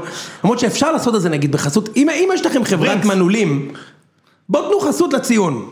תכלס. למה לא? תנו חסות לציון. הלאה, קדימה. אז רק להתנצלות בפני אלי גוטמן שלא נכנס לטופ שלוש. היה תחרות קשה. היה, קרב צמוד, כי זה שני מחזורים השבוע. נכון. אה, והוא אמר בשידור שניקיטה בעונה ההתקפית הכי טובה שהוא זוכר, אז ניקיטה עם 22 שערים ושישה בישולים. אה, זהבי, שהוא לקח מלך השערים, היה עם 35 שערים ועשרה בישולים, שזה כאילו מטורף. ודיה סבא עם 24 שערים ושבעה בישולים, אז שניהם עם עונה יותר טובה. אחי, גם לגוטמן היה קבוצות, לג'וטמן היה קבוצה, שכטר נתן אצלו 22 גולים בעונה של הדאבל של הפועל, אבל כאילו שכטר, תראה, גוטמן לא זכר גם שדמר ישחק בחיפה, כן? אז כאילו, גוטמן גם לא זכר מתי הפסדנו דרבי, שהוא הפסיד, שהוא אימן אותו. יפה, זה-. הציוץ הנעוץ שלי עד היום. יפה. יפה, אז. אה, אז גוטמן, שבוע שעבר היית מקום שלישי, והשנה זה לא הספיק, השבוע זה לא הספיק. כן. אז מי החליף אותו, אושרי? ספר לנו. במקום השלישי, כניסה חדשה, אנחנו צריכים לעשות... אה, כניסה חדשה. כניסה חדשה. כניסה חדשה, עידן ורד. אה, שאני מאוד מאוד אוהב אותו, אבל אני אצטט אותו מילה במילה. בכל שנה ובכל קיץ אנחנו שואפים להיות במקום הראשון. זה ה-DNA של המועדון. אי אפשר להיות במקום הראשון כל שנה. סבבה? עכשיו רגע, כמה עובדות. בפעם האחרונה שביתר סיימה במקום הראשון זה בעונת 2007-2008. מאז עברו 13 שנים. בסדר?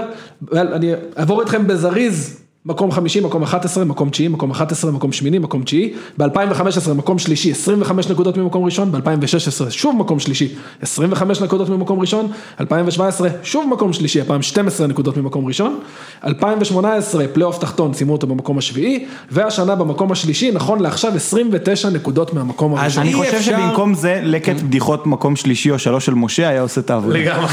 במקום זה, אי אפשר, כמו שאמרת, אי אפשר להיות אלוף כל שנה. שוד. זה היה אכבר שוד, ואנחנו במקום השני. אושרי, בבקשה. במקום השני, אני רוצה לרשום את האסיסט למוטי פשחצקי, אה, ואני שוב, אני אקריא את זה מילה במילה. אה, הוא מראיין את רוני לוי אחרי המשחק, אחרי זה אני אעשה רגע ספין אוף, אני אצא רגע משם, אבל הוא אומר, רוני, מילה עליך, להסתדר בלי קינדה ובלי אוחנה כל כך הרבה זמן, ובכל זאת הגעת ליעדים שלך עם שחקנים שהיו עד העונה הזו בליגות הנמוכות. אוקיי? עכשיו, כמה דברים. רוני לוי לקח את האסיסט הזה ואמר, הצעירים שאתה מדבר עליהם עשו עונה יפה מאוד ביחס למה שציפינו, להגיע לאירופה היה מעבר למצופה. אוקיי? שוד דעת מתבצע. מה זה שוד? שוד דעת מתבצע. יפה. אז קודם כל השחקנים מהליגות הנמוכות, תקן אותי אם אני טועה. יקירי... זיו כאילו לא מתבטא? אני מבין, אוקיי, אל תתבטא. לא, למה לא מתבטא? אין בעיה. יש כאלה שלא מתבטאים. יש שני שחקנים מהליגות הנמוכות, סבבה, אחד יקיר ארצי לא שיחק העונה בכלל, שיחק בגביע הטוטו משחק אחד, ובמשחק האימון נגד בית"ר תל אביב בת ים, ותמיר אדיש שיחק בלאומית, והיה אחד מהשחקנים הטובים בליגה מה עם הלאומית. שלום אדרי? אה, נכון, שלום משה אדרי. שלום משה אדרי, גם ליגה א' אה, צפון, מ"ס טירה, שגם, הוא השחקן שנכנס הכי הרבה מחליף בליגה, בקושי פתח בהרכב, אבל כן שחקן רוטציה משמעותי יחסית. סבבה, יפה. זה נקרא שחקנים מליגות נמוכות. רגע, והוא גם אמר צעירים. יפה. צעירים הם לא, רגע. שלום אדרי 94, תמיר עדי 93. יפה. הגענו לאירופה, זה היה מעבר למצופה. הלכתי לפתיחת העונה, לציטוטים ששויכו לחוגג ובניון. בבקשה. אני מצטט את גיא בן זיו מוואן, מתוך מחנה האימונים, יש כאן קבוצה להיאבק על האליפות, לא פחות מזה.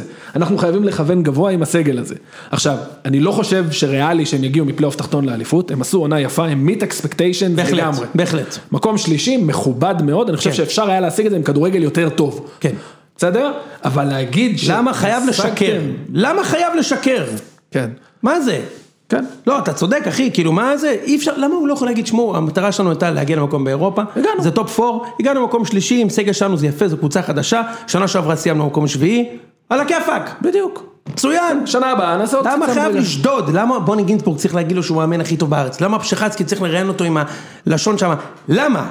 למה חייב לשקר? ואם כבר מדברים על שקרים, אז כולכם מכירים את השיר המצוין, White Flag. של דיידו, שכיהן במשך 52 שבועות רצופים בפסגת המצעד של גלגלצ. אני עדיין שומע את השיר הזה עד היום, ואני חושב שהסכנה היחידה שדיידו תרד מהמצעד זה אם בלבול לא ימשיך במכבי חיפה, וזה הרמז, מקום שלישי, מקום ראשון, שבוע שלישי ברציפות, מרקו בלבול! הופה! איזה שוד, והפעם, מאחר שהיה מחזור כפול, יש לנו דאבל מקבלבול. דאבל מקבלבול, הכל התחיל בשבוע שעבר כאשר מכבי חיפה מנצח בדרבי את הפועל אופל חיפה ובלבול מצוטט, אני ברשותך אעשה את זה אושרי למרות שיש לך גם את הנתונים אני רואה הבאת קלסר, גם, אבל יש וואטסאפ, אה, ובלבול אומר כדלקמן, בכל עונה רגילה 72 נקודות היו מספיקות לאליפות, אתה מסתכל על זה ואתה אומר, hmm, מכבי באמת עשו עונה מפלצתית, האם הוא צודק? אז אני אחסוך לכם את התשובה, את המחקר, התשובה היא לא, פשוט לא, מאחר שהנה שמונה השנים האחרונות, 89 נקודות, 80, 85, רגע, זה גם לא שרירותי השמונה שנים האחרונות. זה מאז שעברנו לשיטה. של 36 משחקים. על הכיפאק, נכון, צודק, יפה, זיו, תודה רבה. 89, 80, 85, 83, 70 כוכבית. 84, 80, 66. מי זה ה-66? קאש. קאש. ומי זה ה-70? מכבי תל אביב של פאקו היסטיירן. כשהיסטרן, פאקו היה עם ה' היסטריאן, עשית, כן. בדיוק, כשמה קרה באותה עונה להזכירכם, היה דרבי שפוצץ, מכבי קיבלה על המשחק הזה 0 נקודות ועוד מינוס 2, כלומר פוטנציה עוד פלוס 5, ומכבי הבטיחה אליפות שלושה מחזורים לסיום, והפסידה שני משחקים בסיום העונה כשהם היו על 70, וגם עם כל זה שהורידו לנו נקודות וזה וזה וזה, עדיין זה הספיע מספיק לאליפות אחת בשנים של, של מכבי ובאר שבע, למה לשקר מרקו? מה, הוא לא יודע את המספרים? ועכשיו עוד דבר, מה זה עונה רגילה? עונה בלי מכבי תל אביב? אולי עונה בלי איביץ', אולי עונה בלי קורונה, אולי עונה שבה הוא כן פותח עם שרי בבלומפילד במחזור הש- השרביעי, זה כן עונה רגילה? מה זה עונה רגילה בכלל? עונה שבה מכבי לא עפים מאירופה בהתחלה והשוער השני נכנס, אני לא מצליח להבין מה זה עונה רגילה אחי. שוד, אחוש שרקוקה עם ניקוד כפול, והשבוע עוד שוד, אושר אתה מת להגיד מה שאני אוהב את זה, אתה מיד יכול להתפרץ פנימה, גם אתמול הוא שדד כמדומני, לא? אתמול הוא לא שדד? היה בסדר אתמול, לא, יחסית היה בסדר. אוקיי, אז תן לי רגע להעמיד אותך על, על, על, על טעותך, לא טעית, אבל אתמול מרקו בלבול התראיין בסיום המשחק והוא אמר, אמרו לו ככה, הפסדת ארבע מארבע למכבי, הון- למכבי אה, אה, פינגווין, תל אביב, מה, אתה? חושב? ואז הוא אמר, שלוש. מה זה הפסדתי ארבע? במשחק הראשון היינו יותר טובים, הפסדנו מגול עצמי. במשחק השני במקום 4-3 לנו נהיה 4-3 להם. משחק 2-0 הוא לא הזכיר, וגם היום היינו יותר טובים. ואז בוני אומר לו, תגיד, בוני אומר לו, תגיד, על מה אתה מדבר? ב-4-3 היה צריך עוד 5 במחצית, היום הם הגיעו לחמישה מצבים שאחד אחד מול השוער. כן, אתה צודק, אבל אני לא מסכים איתך. אז הוא לא צודק, או, שהוא אתה צודק, או... קיצור, הוא גם אומר שבעצם כל הארבעה הוא הפסיד בפוקס, או לפחות שלושה מהארבעה הוא הפסיד בפוקס, לא מבין למה לשדוד, לא מבין, אין סיבה, וככה, חביבי, אתה לא תרד במקום הראשון במצעד. אתה רוצה להוסיף משהו על זה, אושרי? לא, אני רק אגיד ששוב, א', שתי דברים, אחד, ברור למה הוא משקר, כי הוא מתראיין לתפקיד הבא שלו, הוא מבין שהוא לא ממשיך במכבי חיפה, הוא מנסה לייצר נרטיב של אני הייתי מספיק לאליפות, אבל פתאום משהו גדולה. קרה לו, כאילו משהו... הוא הבין שהוא הולך. הוא ישב בארוחת השישי, ובעוד הוא מגישים לו את המג'דרה, או את מה שאתה רוצה, אתה יודע למה אני אומר כן, מג'דרה, ברור. בעוד מגישים לו את המג'דרה, תקווה אומרת לו, מרקו בחייאת זובק, תאכל רגע את הדג, ומחר תעלה להתקפה ותגיד להם מה אתה חושב. לא, אני אגיד מרקו, לך יש לך. התקפה טובה. כן. כן, תגיד להם את האמת בפרצוף. לא מגיע להם כפויי טובה, לא מגיע. להם. לא, והנה אז הוא. עשה את זה, בבקשה. אז אני אגיד, א', השינוי התחיל לפני שלושה שבועות בערך, אני מניח שזהו, שהוא קיבל את ההודעה הרשמית שהוא לא ממשיך, ומרגע זה הוא, הוא מתראיין אחרת לגמרי, בדרך כלל הוא היה מתראיין, הוא היה עושה רעש לבן, זאת אומרת הוא לא היה אומר כלום, "אה, אה, שיחקנו טוב, הגענו למצבים, אה, מאוד גאה, בלה בלה בלה. מאז שהוא הבין שהוא לא ממשיך, הוא נלחם על החוזה הבא שלו. עכשיו אני רק אגיד, התחלנו את הפינה הזאת פה, ואני רואה שלאט לאט זה מתפשט לעוד מקומות, כאילו קראתי את זה בעוד שני אתרים, שכאילו למה המאמנים שודדים דעת, למה הם אומרים, אחלה. אחלה לגמרי, תאמתו אותם עם עובדות, הייתי שמח כאילו שייתנו קרדיט, אבל עדיין, אחלה, אם תקשורת הספורט הקצת יותר מיינסטרימית, ת, ת, תתעקש על זה, אנחנו נרוויח מזה בסוף היום. עשינו את שלנו, לא לא רוצים את הקרדיט שלכם, רוצים שתשנו את הדרך מכיר? שבה אתם אל תיתנו. להם לבלבל את המוח. אתה מכיר את הסרט אה, האביר האפל? אז בסוף הסרט האביר האפל, מה שקורה זה שבטמן כאילו אומר, תשמעו אין לי בעיה שיחשבו שהרווי דו פרצוף הוא הטוב, ואני הרע, הכל בשביל גותם. אז, אז, הנה הקבלה שהיא גם שוד. חופשי. אנחנו האביר האפל. כן. מה אכפת אני לנו מנסה להבין אחי? מי אתה אמור להיות בתוך אני, ה... אני, אני, כלום, הציון, הציון. זה ה brand. כשאנשים, שיש שוד היום ורוצים לקרוא לבטמן, לא. עושים לוגו כזה של שוד שמתרחש עם הספרה שלוש. וזיו מגיע עם הקלסרים אחי לאחריו, ובאים אחי לעצור את השודדים. טוב. עוד משהו ראש. הלאה, לא. כן, עכשיו נעשה את הפינה שהיא לא לרמתך. הטוב הרע המכוער, אז בואו רק נהמר, כי רגע, אני יש אזוז. קש נס ציונה שאמרנו שנדבר על זה שתי דקות, אתה רוצה לפני שאתה הולך? לא, אני רוצה אתה רוצה אחרי. שתלך? כי לא ראיתי את המשחק. אז רגע, יש לי רק ספין-אוף. בוא נדבר על החוגג הזה. פספסת דבר? אה, ידעתי שקש ינצחו. החליחל הזה, בואנה, הוא חוגג בצורה מרגשת, לא היה כזה חוגג. כן. מה, הוא השאיר אותם בליגה, זה יפה, הוא בן 19. בסדר גמור. כל הכבוד לו. בסדר גמור. רגע, יש לי רק ספין-אוף קצר, ממש ממש בקצרה. דיברנו על זה שמוטי פשכצקי הרים לרוני לוי, בסדר? הוא, הוא רון, כאילו, כשפשכצקי דיבר עם רוני לוי, הוא כבר נתן לו, כאילו, הוא כבר הרים לו, תשמע, אתם עם, אה, בלי השחקנים, קינדה ואוחנה פצועים, ועם שחקנים צעירים, ובכל זאת הגעת לאירופה, איך אתה עושה את זה? אני מחזיר עוד אחורה. השאיר שהוא- אותו מול שער מה שנקרא. מה זה השאיר אותו? אחרי זה, במשחק נגד מכבי תל אביב במחזור הקודם, אה, פרפה. פרפה הוחלף במחצית, ופשחצקי מדווח, משחק לא טוב שלו, מוזר לראות שחקן צעיר מוחלף במחצית, זה בטוח מוריד לו את כל הביטחון. בסדר? מוזר. אחלה דיווח קווים. כן, אתה אמור לדווח עובדתית, למה אתה קובע שזה לא. טוב? רגע, גם החליט איך הוא שיחק, וגם החליט שזה יוריד לו את הביטחון. יפה, עכשיו אני אוסיף עוד משהו, עוד נקודה שלישית, ואז נשאל מה הגורם המקשר בין כולם, בסדר? בבקשה. כתבה של מוטי פשחצקי שהוא חתום עליה מערוץ הספורט, אמ, על זה שדוד קלטינס התבקש לקצץ 50% משכרו, בזמן שהאחרים רק 30%, אני מצטט, קלטינס שנרכש מביתר ירושלים מרגיש שבאר שבע לא באמת רוצים שיישאר, וחבריו מספרים שלתחושתו ההצעה שהוא עברה הייתה מעליבה. כאחד הנכסים הבולטים היחידים שנותרו בקבוצה, קלטינס לא יועבר בחינם, אם ימצא קבוצה מצד אחד, אבל מצד שני עשוי לא לקבל דקות אם לא יסכים לקצץ. ואז ציטוט, מה שעושים לדוד זה לא מכובד, הוא לא גדל בבאר שבע, הוא לא הספיק ליהנות מהכסף ששולם לו ועכשיו דורשים ממנו להוריד יותר מהאחרים. עכשיו, שאלה, מה משותף לדוד קלטינס, רוני לוי וסליחה שאני אערב את השם. פרפגו יגון. מי שיודע, הקישו, לא, התשובה מאוד פשוטה, הסוכן שלהם, הסוכן. הסוכן שלהם זה אבי נימני, אוקיי? וואו! וואו! אני אפילו יודע איזה רעש זה עושה רגע. עמוד האש, קרוב, שמע, יפה, עכשיו, איך נימני היה אומר?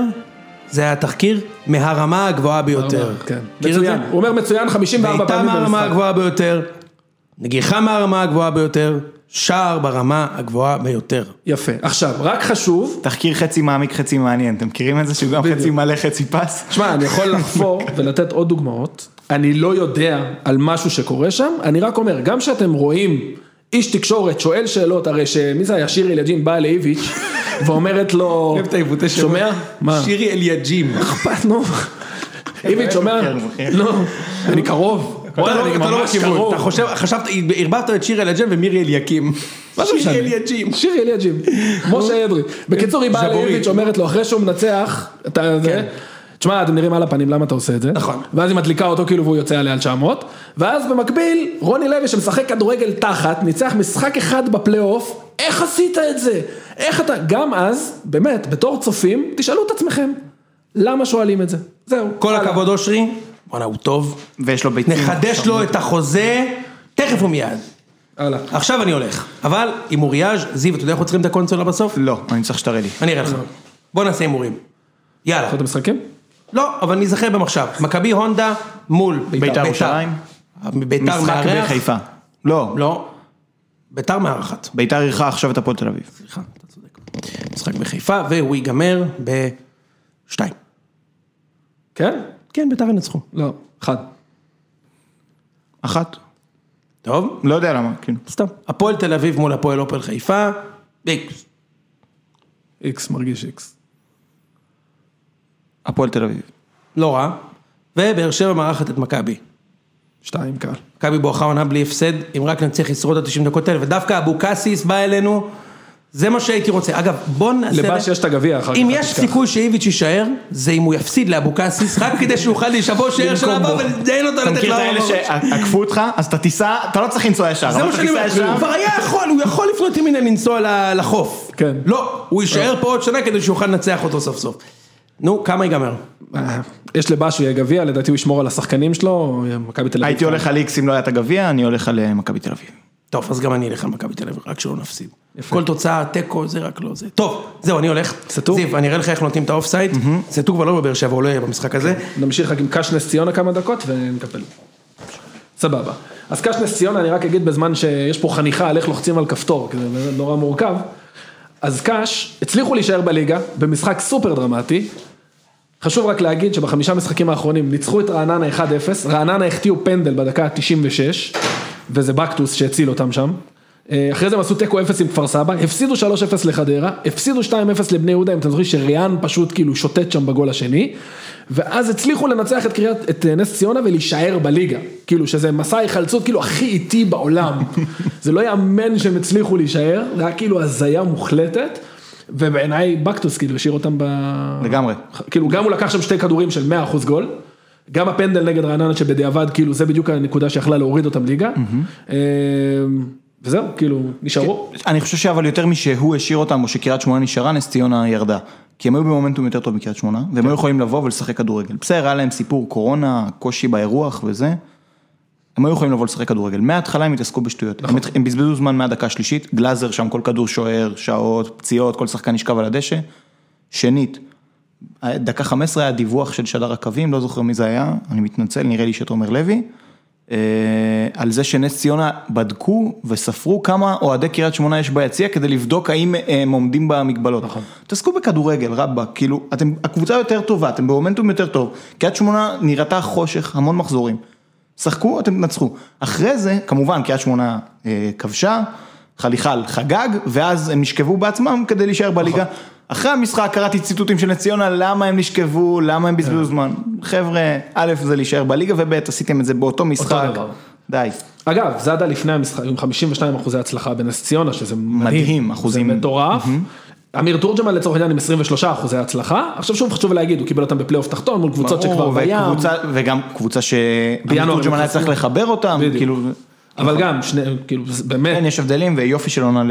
לזאדה. קיבל אגב, הוא קיבל עכשיו הוצאה לשלוש שנים חוזה, אני מקווה שהוא יישאר בנס ציונה ולא ילך. קבוצה שיכולה לעלות חזרה. אה, אתה רוצה לסיים את הפינה שאנחנו חייבים? כן, אה, כן, כן, נסיים את הפינה כי הפרק הבא שלנו יהיה פרק אקסקלוסיבי לסיום העונה, נכון. ויהיו בו הרבה הרבה פינות חדשות ודברים מעניינים שנעשה, אז אה, נסיים עם החלק הרציני עכשיו, ואת הפרק הבא נעשה שכונה, כדאי לכם לבוא. אז עצרנו כשדיברנו על מכבי נתניה, אני רק אזכיר מה הפינה אומרת. לפינה קוראים הטוב, הרע והבקרוב, אנחנו מציינים שחקן אחד שהיה או הטוב בקבוצה או מישהו ששווה לציין מעבר לשחקן הכי טוב בקבוצה, הרע לא חייב להיות הרע באשמתו, אבל לפעמים זה בגלל יכולת רע, לפעמים זה כי המאמן לא נתן לו מספיק, כי ציפינו שהוא ייתן יותר, כי חשבנו שזאת תהיה עונת הפריצה שלו, והבקרוב שחקן ששווה לשים לב אליו מה, מהקו, הש... מהגל השני, הרועי קהת של הקבוצה, מבחינה מקצועית, לא מבחינת היכולת. אה, אז עצרנו אחרי נתניה ונעבור להפועל חדרה, אז הטוב הוא אליאל פרץ, שעבר, עשה את האקזיט שלו ועבר לוולפסברגר. אליאל פרץ לקח החלטה, מלך השערים הבא של אוסטריה, חשוב להגיד כבר אם מעכשיו. וייסמן אה, הולך. כן, אם וייסמן ילך. אה, פרץ לקח החלטה מאוד ריסקית והשתלמה לו בגדול בתחילת העונה. הוא השתחרר ממכבי תל אביב והוא עבר לחדרה בחינם, סליחה, לא בחינם, הם קנו אותו בכסף, אבל... 370 אלף שקל, יחסית כסף קטן, יחסית. נכון, מזכיר מאוד את העסקה של אה, אור דסה לרעננה. אבל אליאל פרץ הלך לשם והיה מוכן לקבל סעיף שחרור גבוה מאוד לקבוצות בארץ, 400 אלף יורו, שזה לא סעיף שהרבה קבוצות משלמות, בטח לא על שחקן בגילו, הוא לא בן 20, הוא קצת יותר מבוגר. אה, והוא היה מוכן לקבל את הסעיף הזה, כדי שחדרה יאפשרו לו סעיף יציאה בחינם לחו"ל. וואלה. והוא עשה עונה מעולה, ואת הסעיף יציאה הזה בחינם הוא ניצל, הוא ניצל כשהוא עובר לקבוצה מעולה, אני בימים הקרובים הולך לפרסם פוסט על אה, שון וייסמן, זה גם יעלה לחלק, מה, יענה לחלק מהטענות שעולות פה בפוד, על האם הליגה האוסטרית חלשה, האם וייסמן טוב, אני אסביר בדיוק מה, למה כל התנאים אופטימליים כדי שהוא יתפוצץ, אליאל פרץ הולך להיכנס לנעליים מאוד גדולות באוסטריה, בוולפסברגר, של שחקן בשם לינדל, הוא הקפטן של הקבוצה בן איזה 34, והוא שחקן שונה לגמרי מאליאל פרץ, הוא יותר של מסירות, פחות של תנועה מקו שני. יהיה לו אתגר גדול, אני לא חושב שהוא ייתן 20 שערים קל, אבל אם הוא יעבוד מספיק קשה ואם השיטה תתאפר למידותיו, כי כרגע היא לא תפורה למידותיו, הוא יכול להתפוצץ בקלות ולהמשיך הלאה. אחלה שחקן, באמת. מלך השערים של אה, הפועל חדרה העונה, מי הרע? אה, הרע שלי, כן, הוא לוסיו, אה, רק שנייה, אני מוודא.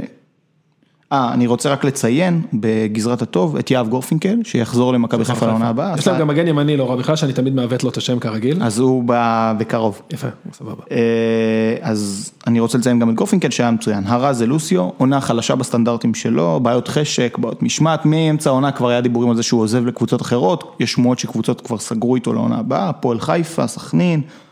איפה לוסיו של העונה שעברה, שהשאיר את חדרה בליגה ועשה את הפלייאוף עליון, לעומת לוסיו של השנה, אולי שם יחזור לו החשק ונקבל את לוסיו הטוב.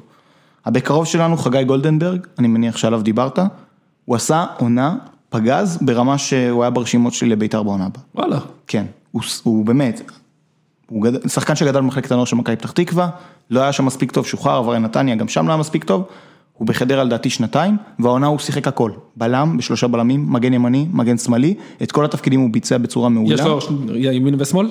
כן, יש לו רגל ימין ושמאל, הוא ימני ברגל, אבל גם הוא- השמאלית שלו מאוד מאוד טובה. לדעתי הוא, כאילו, קראתי איזה דיווח כזה, ואני חושב שזה גם, זה היה הכיוון, הוא בדרך לבאר שבע בעונה הבאה, אם אני קורא נכון את המפה. ואם הוא ייתן את אותה עונה כמו העונה הזאת, באר שבע תרוויח אותו, תרוויח שחקן מצוין במחיר מאוד מאוד נמוך. עוד שחקן שראוי לציון זה, ואני מציין אותם כי אתם לא רואים את חדרה, אז יש את אה, ויסאם רבח, שזה הבלם, בלם עם רגל שמאל, גם עשה אחלה של עונה, יש להם הגנה מהטובות בליגה השנה. חלק מזה אה, זה שאריות מאורי גוטמן, וחלק המשיך גם אחריו, אז אה, אחלה רבח. נעבור לאחת הקבוצות הכי כיפיות בליגה, מ"ס אשדוד.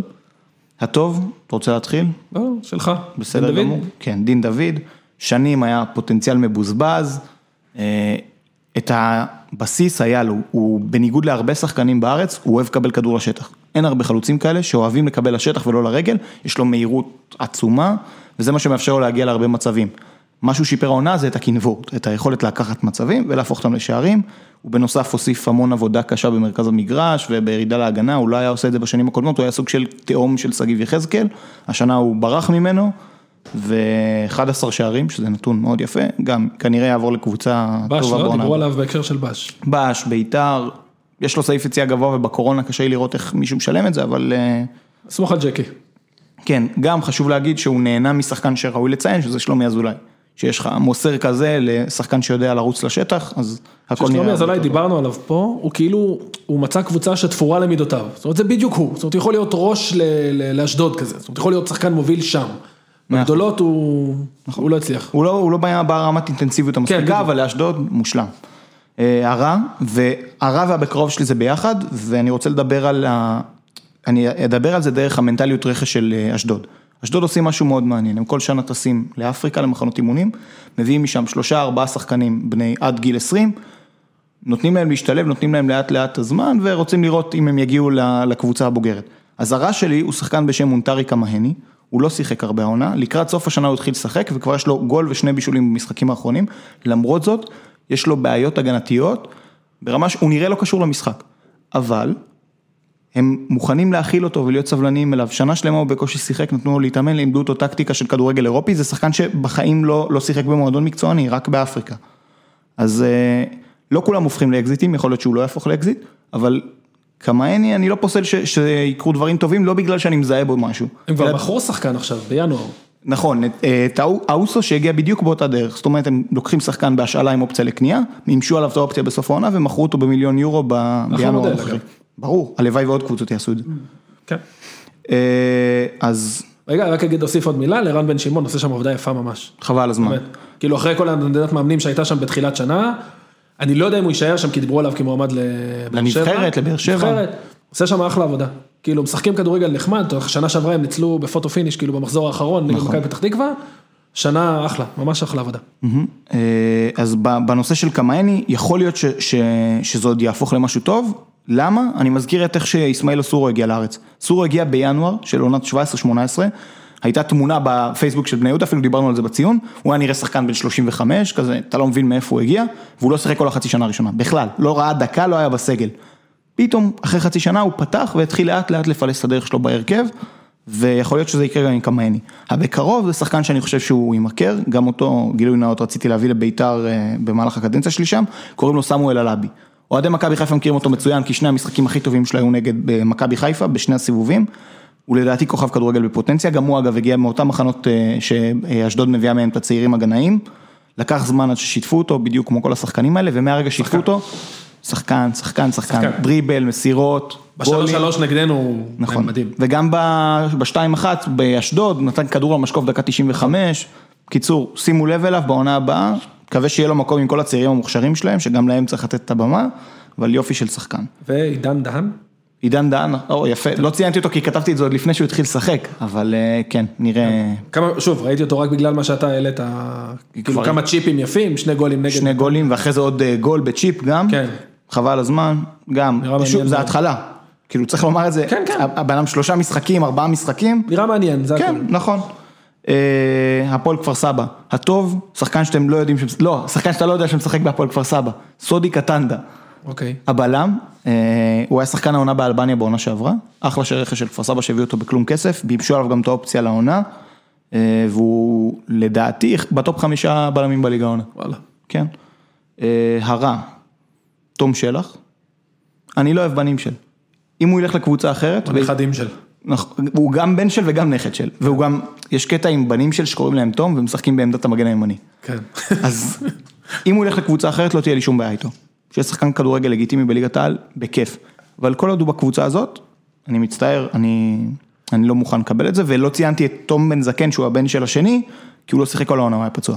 כן, שוב, תום שלח, אני מתעלם רגע מהשיוך המשפחתי, הוא עשה, אני, שוב, אני לא ראיתי את כל המשחקים של כפר סבא מן הסתם, הוא עשה המון טעויות במשחקים שראיתי, זאת אומרת, גם האדום נגד הפועל תל אביב, ובעיות בכיסוי, הוא, לפעמים הוא אגרסיבי מדי שלא צריך, לפעמים הוא מפספס כדורים, סבבה. לך, תהיה שחקן לגיטימי בקבוצה שסבא שלך לא מחזיק ואבא שלך הוא לא המנהל המקצועי שלה.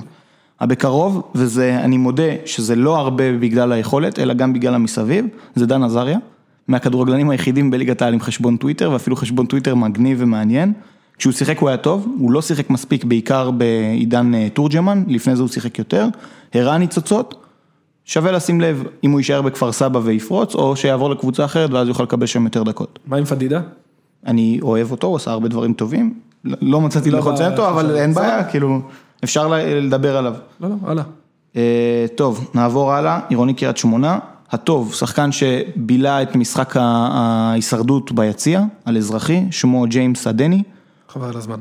פתח את העונה, לא שמעתי את כל הפרקים שלכם בהתחלה, אני מניח שדיברתם עליו, הוא פתח את העונה מעולה, גם דיברתי עם מגבו בתקופת בית"ר, מגבו התחיל את העונה בקריית שמונה. שאלתי אותו מה הוא חושב עליו, הוא אומר, הוא היה רמה מעל, עשה המון דברים טובים, אבל הוא נפצע מתישהו במהלך העונה, והיה גם כל מיני החלטות מוזרות, ספסלו אותו ואז הקפיאו אותו. לא ברור, זה דומה מאוד לסיפור עם שרידן. זאת אומרת, שני זרים שהם הם כן היו טובים, שרידן למרות ההחמצות, למרות החמצות הפנדל, הוא בסוף חלוץ טוב, והם נתקעו, והם נתקעו בלי חלוצים. אגב, קובי רפואה הודה בזה, בריאיון סוף אה, משחק, הוא אמר, הטעות היחידה שלי הייתה ששחררתי את שרידן, כי חשבתי שיש לי חלוץ אה, כאילו בינלאומי שבא במקומו, והוא לא הגיע, ואז נתקעתי בלי חלוץ, במקומו הם הביאו... במשחק ירידה הם שיחקו עם אה, מסי הג'מייקני, שהוא לא חלוץ, מה זה, עולה עם רסטות בגדול. הוא שחקן כנף, הוא גם- לא חלוץ. הוא לא חלוץ, כן, הוא לא הרבה דברים, הוא היה נוראי. ואז הוא הכניס את הבחור בן 19 שנתן את הגול. כן, עבדאללה חליחל. חליחל. אה, אז ג'יימס אדני העונה עם שער או בישול כל 194 דקות, שזה יופי של יחס לקשרים התקפיים, השוויתי אותו לשחקנים אחרים, שוב אני אגיד 194 דקות, שרי 184 דקות, ריקן 300 דקות, קינדה 117, הוא לא מאוד מאוד רחוק מקינדה שעשה יופי של עונה, ז'וסווה, טוב זה נתונים לא עדכניים כל כך, כי זה מלפני כמה מחזורים, 276 אז, אה, ראוי לציון, אורי דהן, שהוא נחמיאס האמיתי, נחמיאס האייפ, פשוט הוא אותו רמה של נחמיאס, בלי האייפ שלי- של איזי. אה, הרע, עדן קרצב, לדעתי, כי הוא, הוא אמנם שיחק בהרכב כל השנה, אבל הוא היה אמור להיות גדול על קריית שמונה. היה ספק אם הוא יישאר אפילו בסגל של מכבי תל אביב הזאת, הוא עבר לקריית שמונה בהשאלה כדי שיבשלו אותו, כדי שהוא יקבל דקות, והוא השחקן הכי מוכשר בשנתון 2000 לדעתי בארץ. ראיתי אותו ומה לא בעונה? שעברה. לא ברור, אולי זה מאמן לא טוב, אולי זה שיטה לא טובה, אולי לא היה לו נוח, אי אפשר, אני לא יודע, אין לי הסברים לזה, אבל הוא, זו לא הייתה עונה טובה שלו, זה ברור, אה, והוא כבר שיחק בליגת העל והיה טוב. היה טוב, בחדרה. בחדרה, חצי עונה שעברה. גולים, מסירות, אבל כאילו לא הכל אבוד, זאת אומרת לא צריך לזרוק אותו לפח ולהגיד הוא לא... לא, אני מניח שהוא ישאל עוד שנה. נכון, זה טוב שהוא קיבל דקות, זה טוב שהוא, שהוא נפל, העיקר שהוא שיחק את האלפיים דקות שלו בעונה, שזה מה שאתה רוצה משחקן צעיר, ויכול להיות שזה, שהוא כן יממש את הפוטנציאל, כי בעונה שעברה, בסוף העונה שעברה, חשבתי שהוא יעשה קריירה ברמת נטחו. באמת? כן, הוא הכישרון הכי טוב בשנות האלפיים לדעתי. אני חושב שאם יש משהו שלוקחים מזה, זה שכאילו, ואני חושב שמכבי תל אביב עשו את זה, אתה זוכר שהם השאילו לבני יהודה המון שחקנים? ב- חוזז, יונתן כהן, כי הם רצו שהם יהיו, לדעתי, הם רצו את אבוקסיס. זאת אומרת, הם הבינו שהוא יודע לפתח שחקנים. ואני חושב שפה הם קצת נפלו עם זה, אני מניח ששנה הבאה אתה תראה שהשחקנים של מכבי תל אביב שיצאו להשאלות, אני מניח שהם יצאו לקבוצות עם מאמנים שמכבי מעריכים אותם מקצועית, כמו אולי אמיר תורג'מן, שמכבי תל אביב מאוד תופסים ממנו, אבוקסיס אם יהיה איפה שלא יהיה. אפילו יכול להיות ניסו. אביטן, שהם אומנם- יכול להיות שהם לא מחזיקים מרמתו המקצועית, אבל בפיתוח שחקנים. ובקידום, נכון. כן.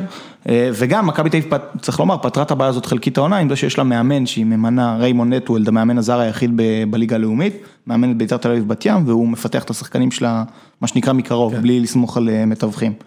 הבקרוב, לצד קרצב שהיה לא טוב, אז הכפיל הפיזי שלו זה סמואל בראון, הוא נראה מאוד מאוד דומה לו, האח הצעיר של וובה. אה, חוליית הקישור של קריית שמונה הייתה מאוד צעירה, בראון הוא צעיר, היה לו את עומר לקאו, שגם הוא שחקן יחסית צעיר, ועדן קרצב, ובכל השלושה האלה סמואל בראון יחסית בלט, אה, והיה די יציב לאורך העונה. שתי היורדות שלנו, סקציה נס ציונה, הטוב, רז שטיין, בלי להרחיב יותר מדי אה, תיאורים וזה, כבש או בישל 52% מהשערים של נס ציונה העונה. אין, אין מה להגיד על דבר כזה. אה, אגב, גם, היה להם שלושה, כל פעם שחקן אחר לקח אותם על הגב, זה התחיל עם רז שטיין, היה שלושה מחזורים של מוסא מזו, אחרי זה דור כוכב. דור כוכב. כן. אה, אגב, יש לו, ברגע שנס ציונה יורדים, רז שטיין משוחרר בחינם. זאת אומרת, יש לו סעיף בחוזה, לפי מה שפרסמו, שאם נס ציונה יורדים הוא משוחרר בחינם, אני מניח שהוא יגיע לפלייאוף, לקבוצות של פלייאוף עליון בשנה הבאה. לחלוטין. אה, הרע כבר לא משחק בנס ציונה, אבל אני עדיין רוצה להכניס אותו, זה אופיר מזרחי השוקולטייר. הוא משחק העונה בהפועל חיפה, בחצי העונה הזאת, הוא התחיל את העונה בנס ציונה, ואני מזכיר שלפני שנתיים הוא היה שחקן הרכב במכבי חיפה. אה, הרכב. לוזון. או, הוא היה שחקן הרכב.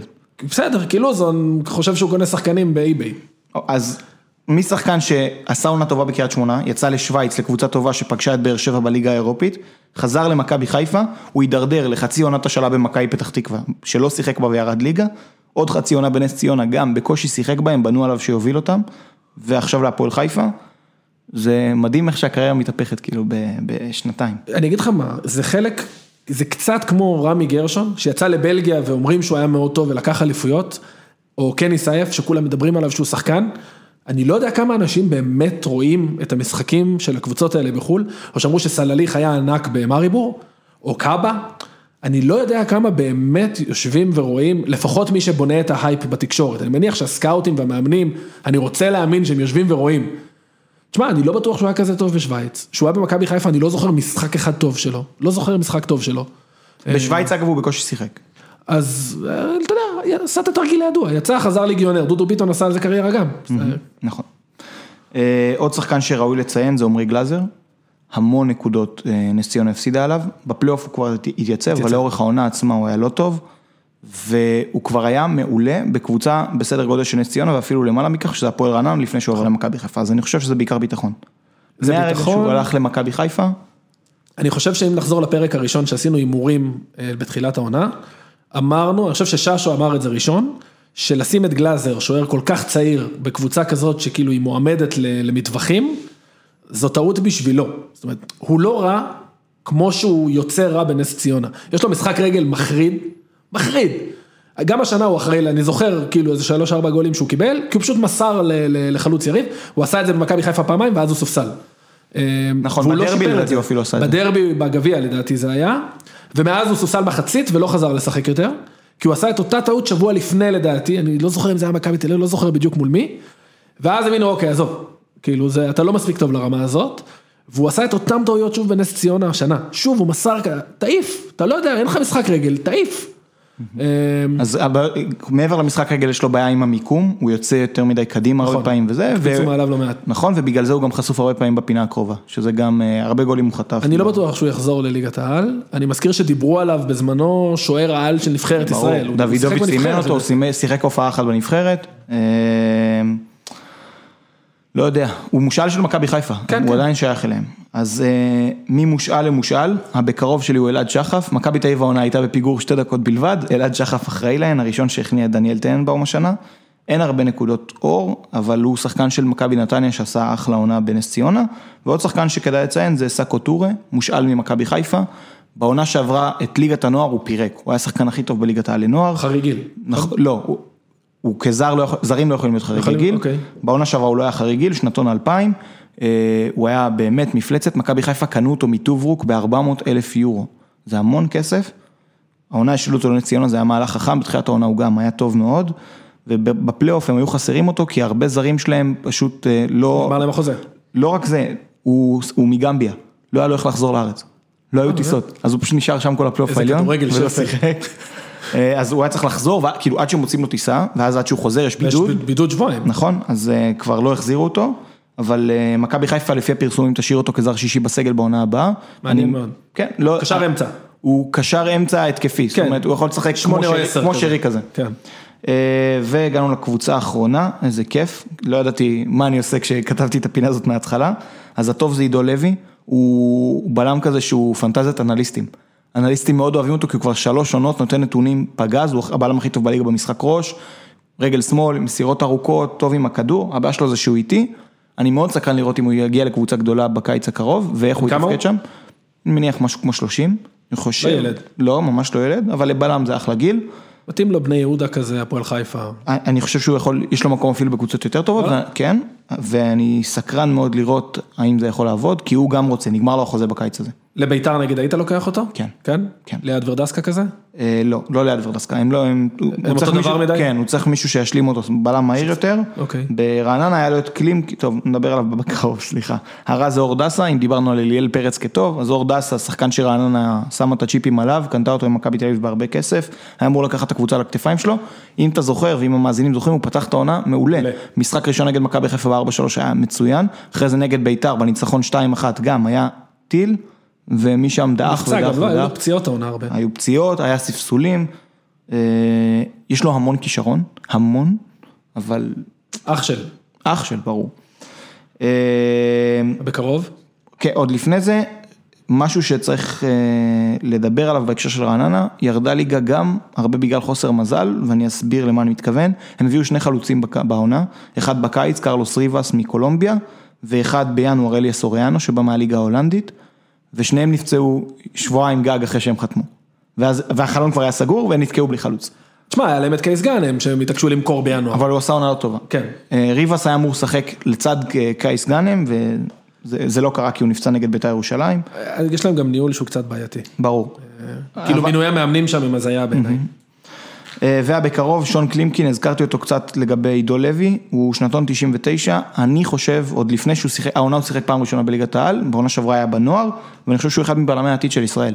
הוא מאוד קרצבי באופי, זאת אומרת, בחור מכזה ברית המועצות, משפחה שמחנכת אותו קשה, פיזית הוא נראה פנטסטי, הוא בנוי מעולה, ילד טוב ושקט, קיבל העונה הרבה דקות במקום ידין ומתאוס והיה סבבה, אני לא חושב שהוא יימכר בקיץ, רעננה הרי מנסים למכור הרבה. שחקנים, הם יריצו אותו בלאומית, הוא אחד מהשחקנים הכי טובים בלאומית העונה, ואז או שימכרו אותו או שהוא יחזור לליגת העל מהדלת הראשית. סבבה. אני אוסיף את יוג'ין אנסה, שאני מאוד מאוד אוהב, דיברנו עליו כמה פעמים בפוד, זה קראש אישי שלי, זאת אומרת ראיתי אותו כמה פעמים, כאילו, יש לו כדורגל, אני חושב שבקבוצה יוזמת הוא יהיה טוב, ויש להם שוער לא רע בכלל, צור. בטח, אה, גם שווה, הוא נפצע, אני לא יודע, הוא נפצע לפני, לא מזמן. במשחק האחרון לדעתי של העונה או אחד לפני, אני מקווה שהוא בסדר, אני חושב שהוא יכול להיות אחלה שוער לליגת העל. זאת אומרת, נגיד עכשיו בני יהודה שפתאום בלי זובס או משהו כזה, בהחלט.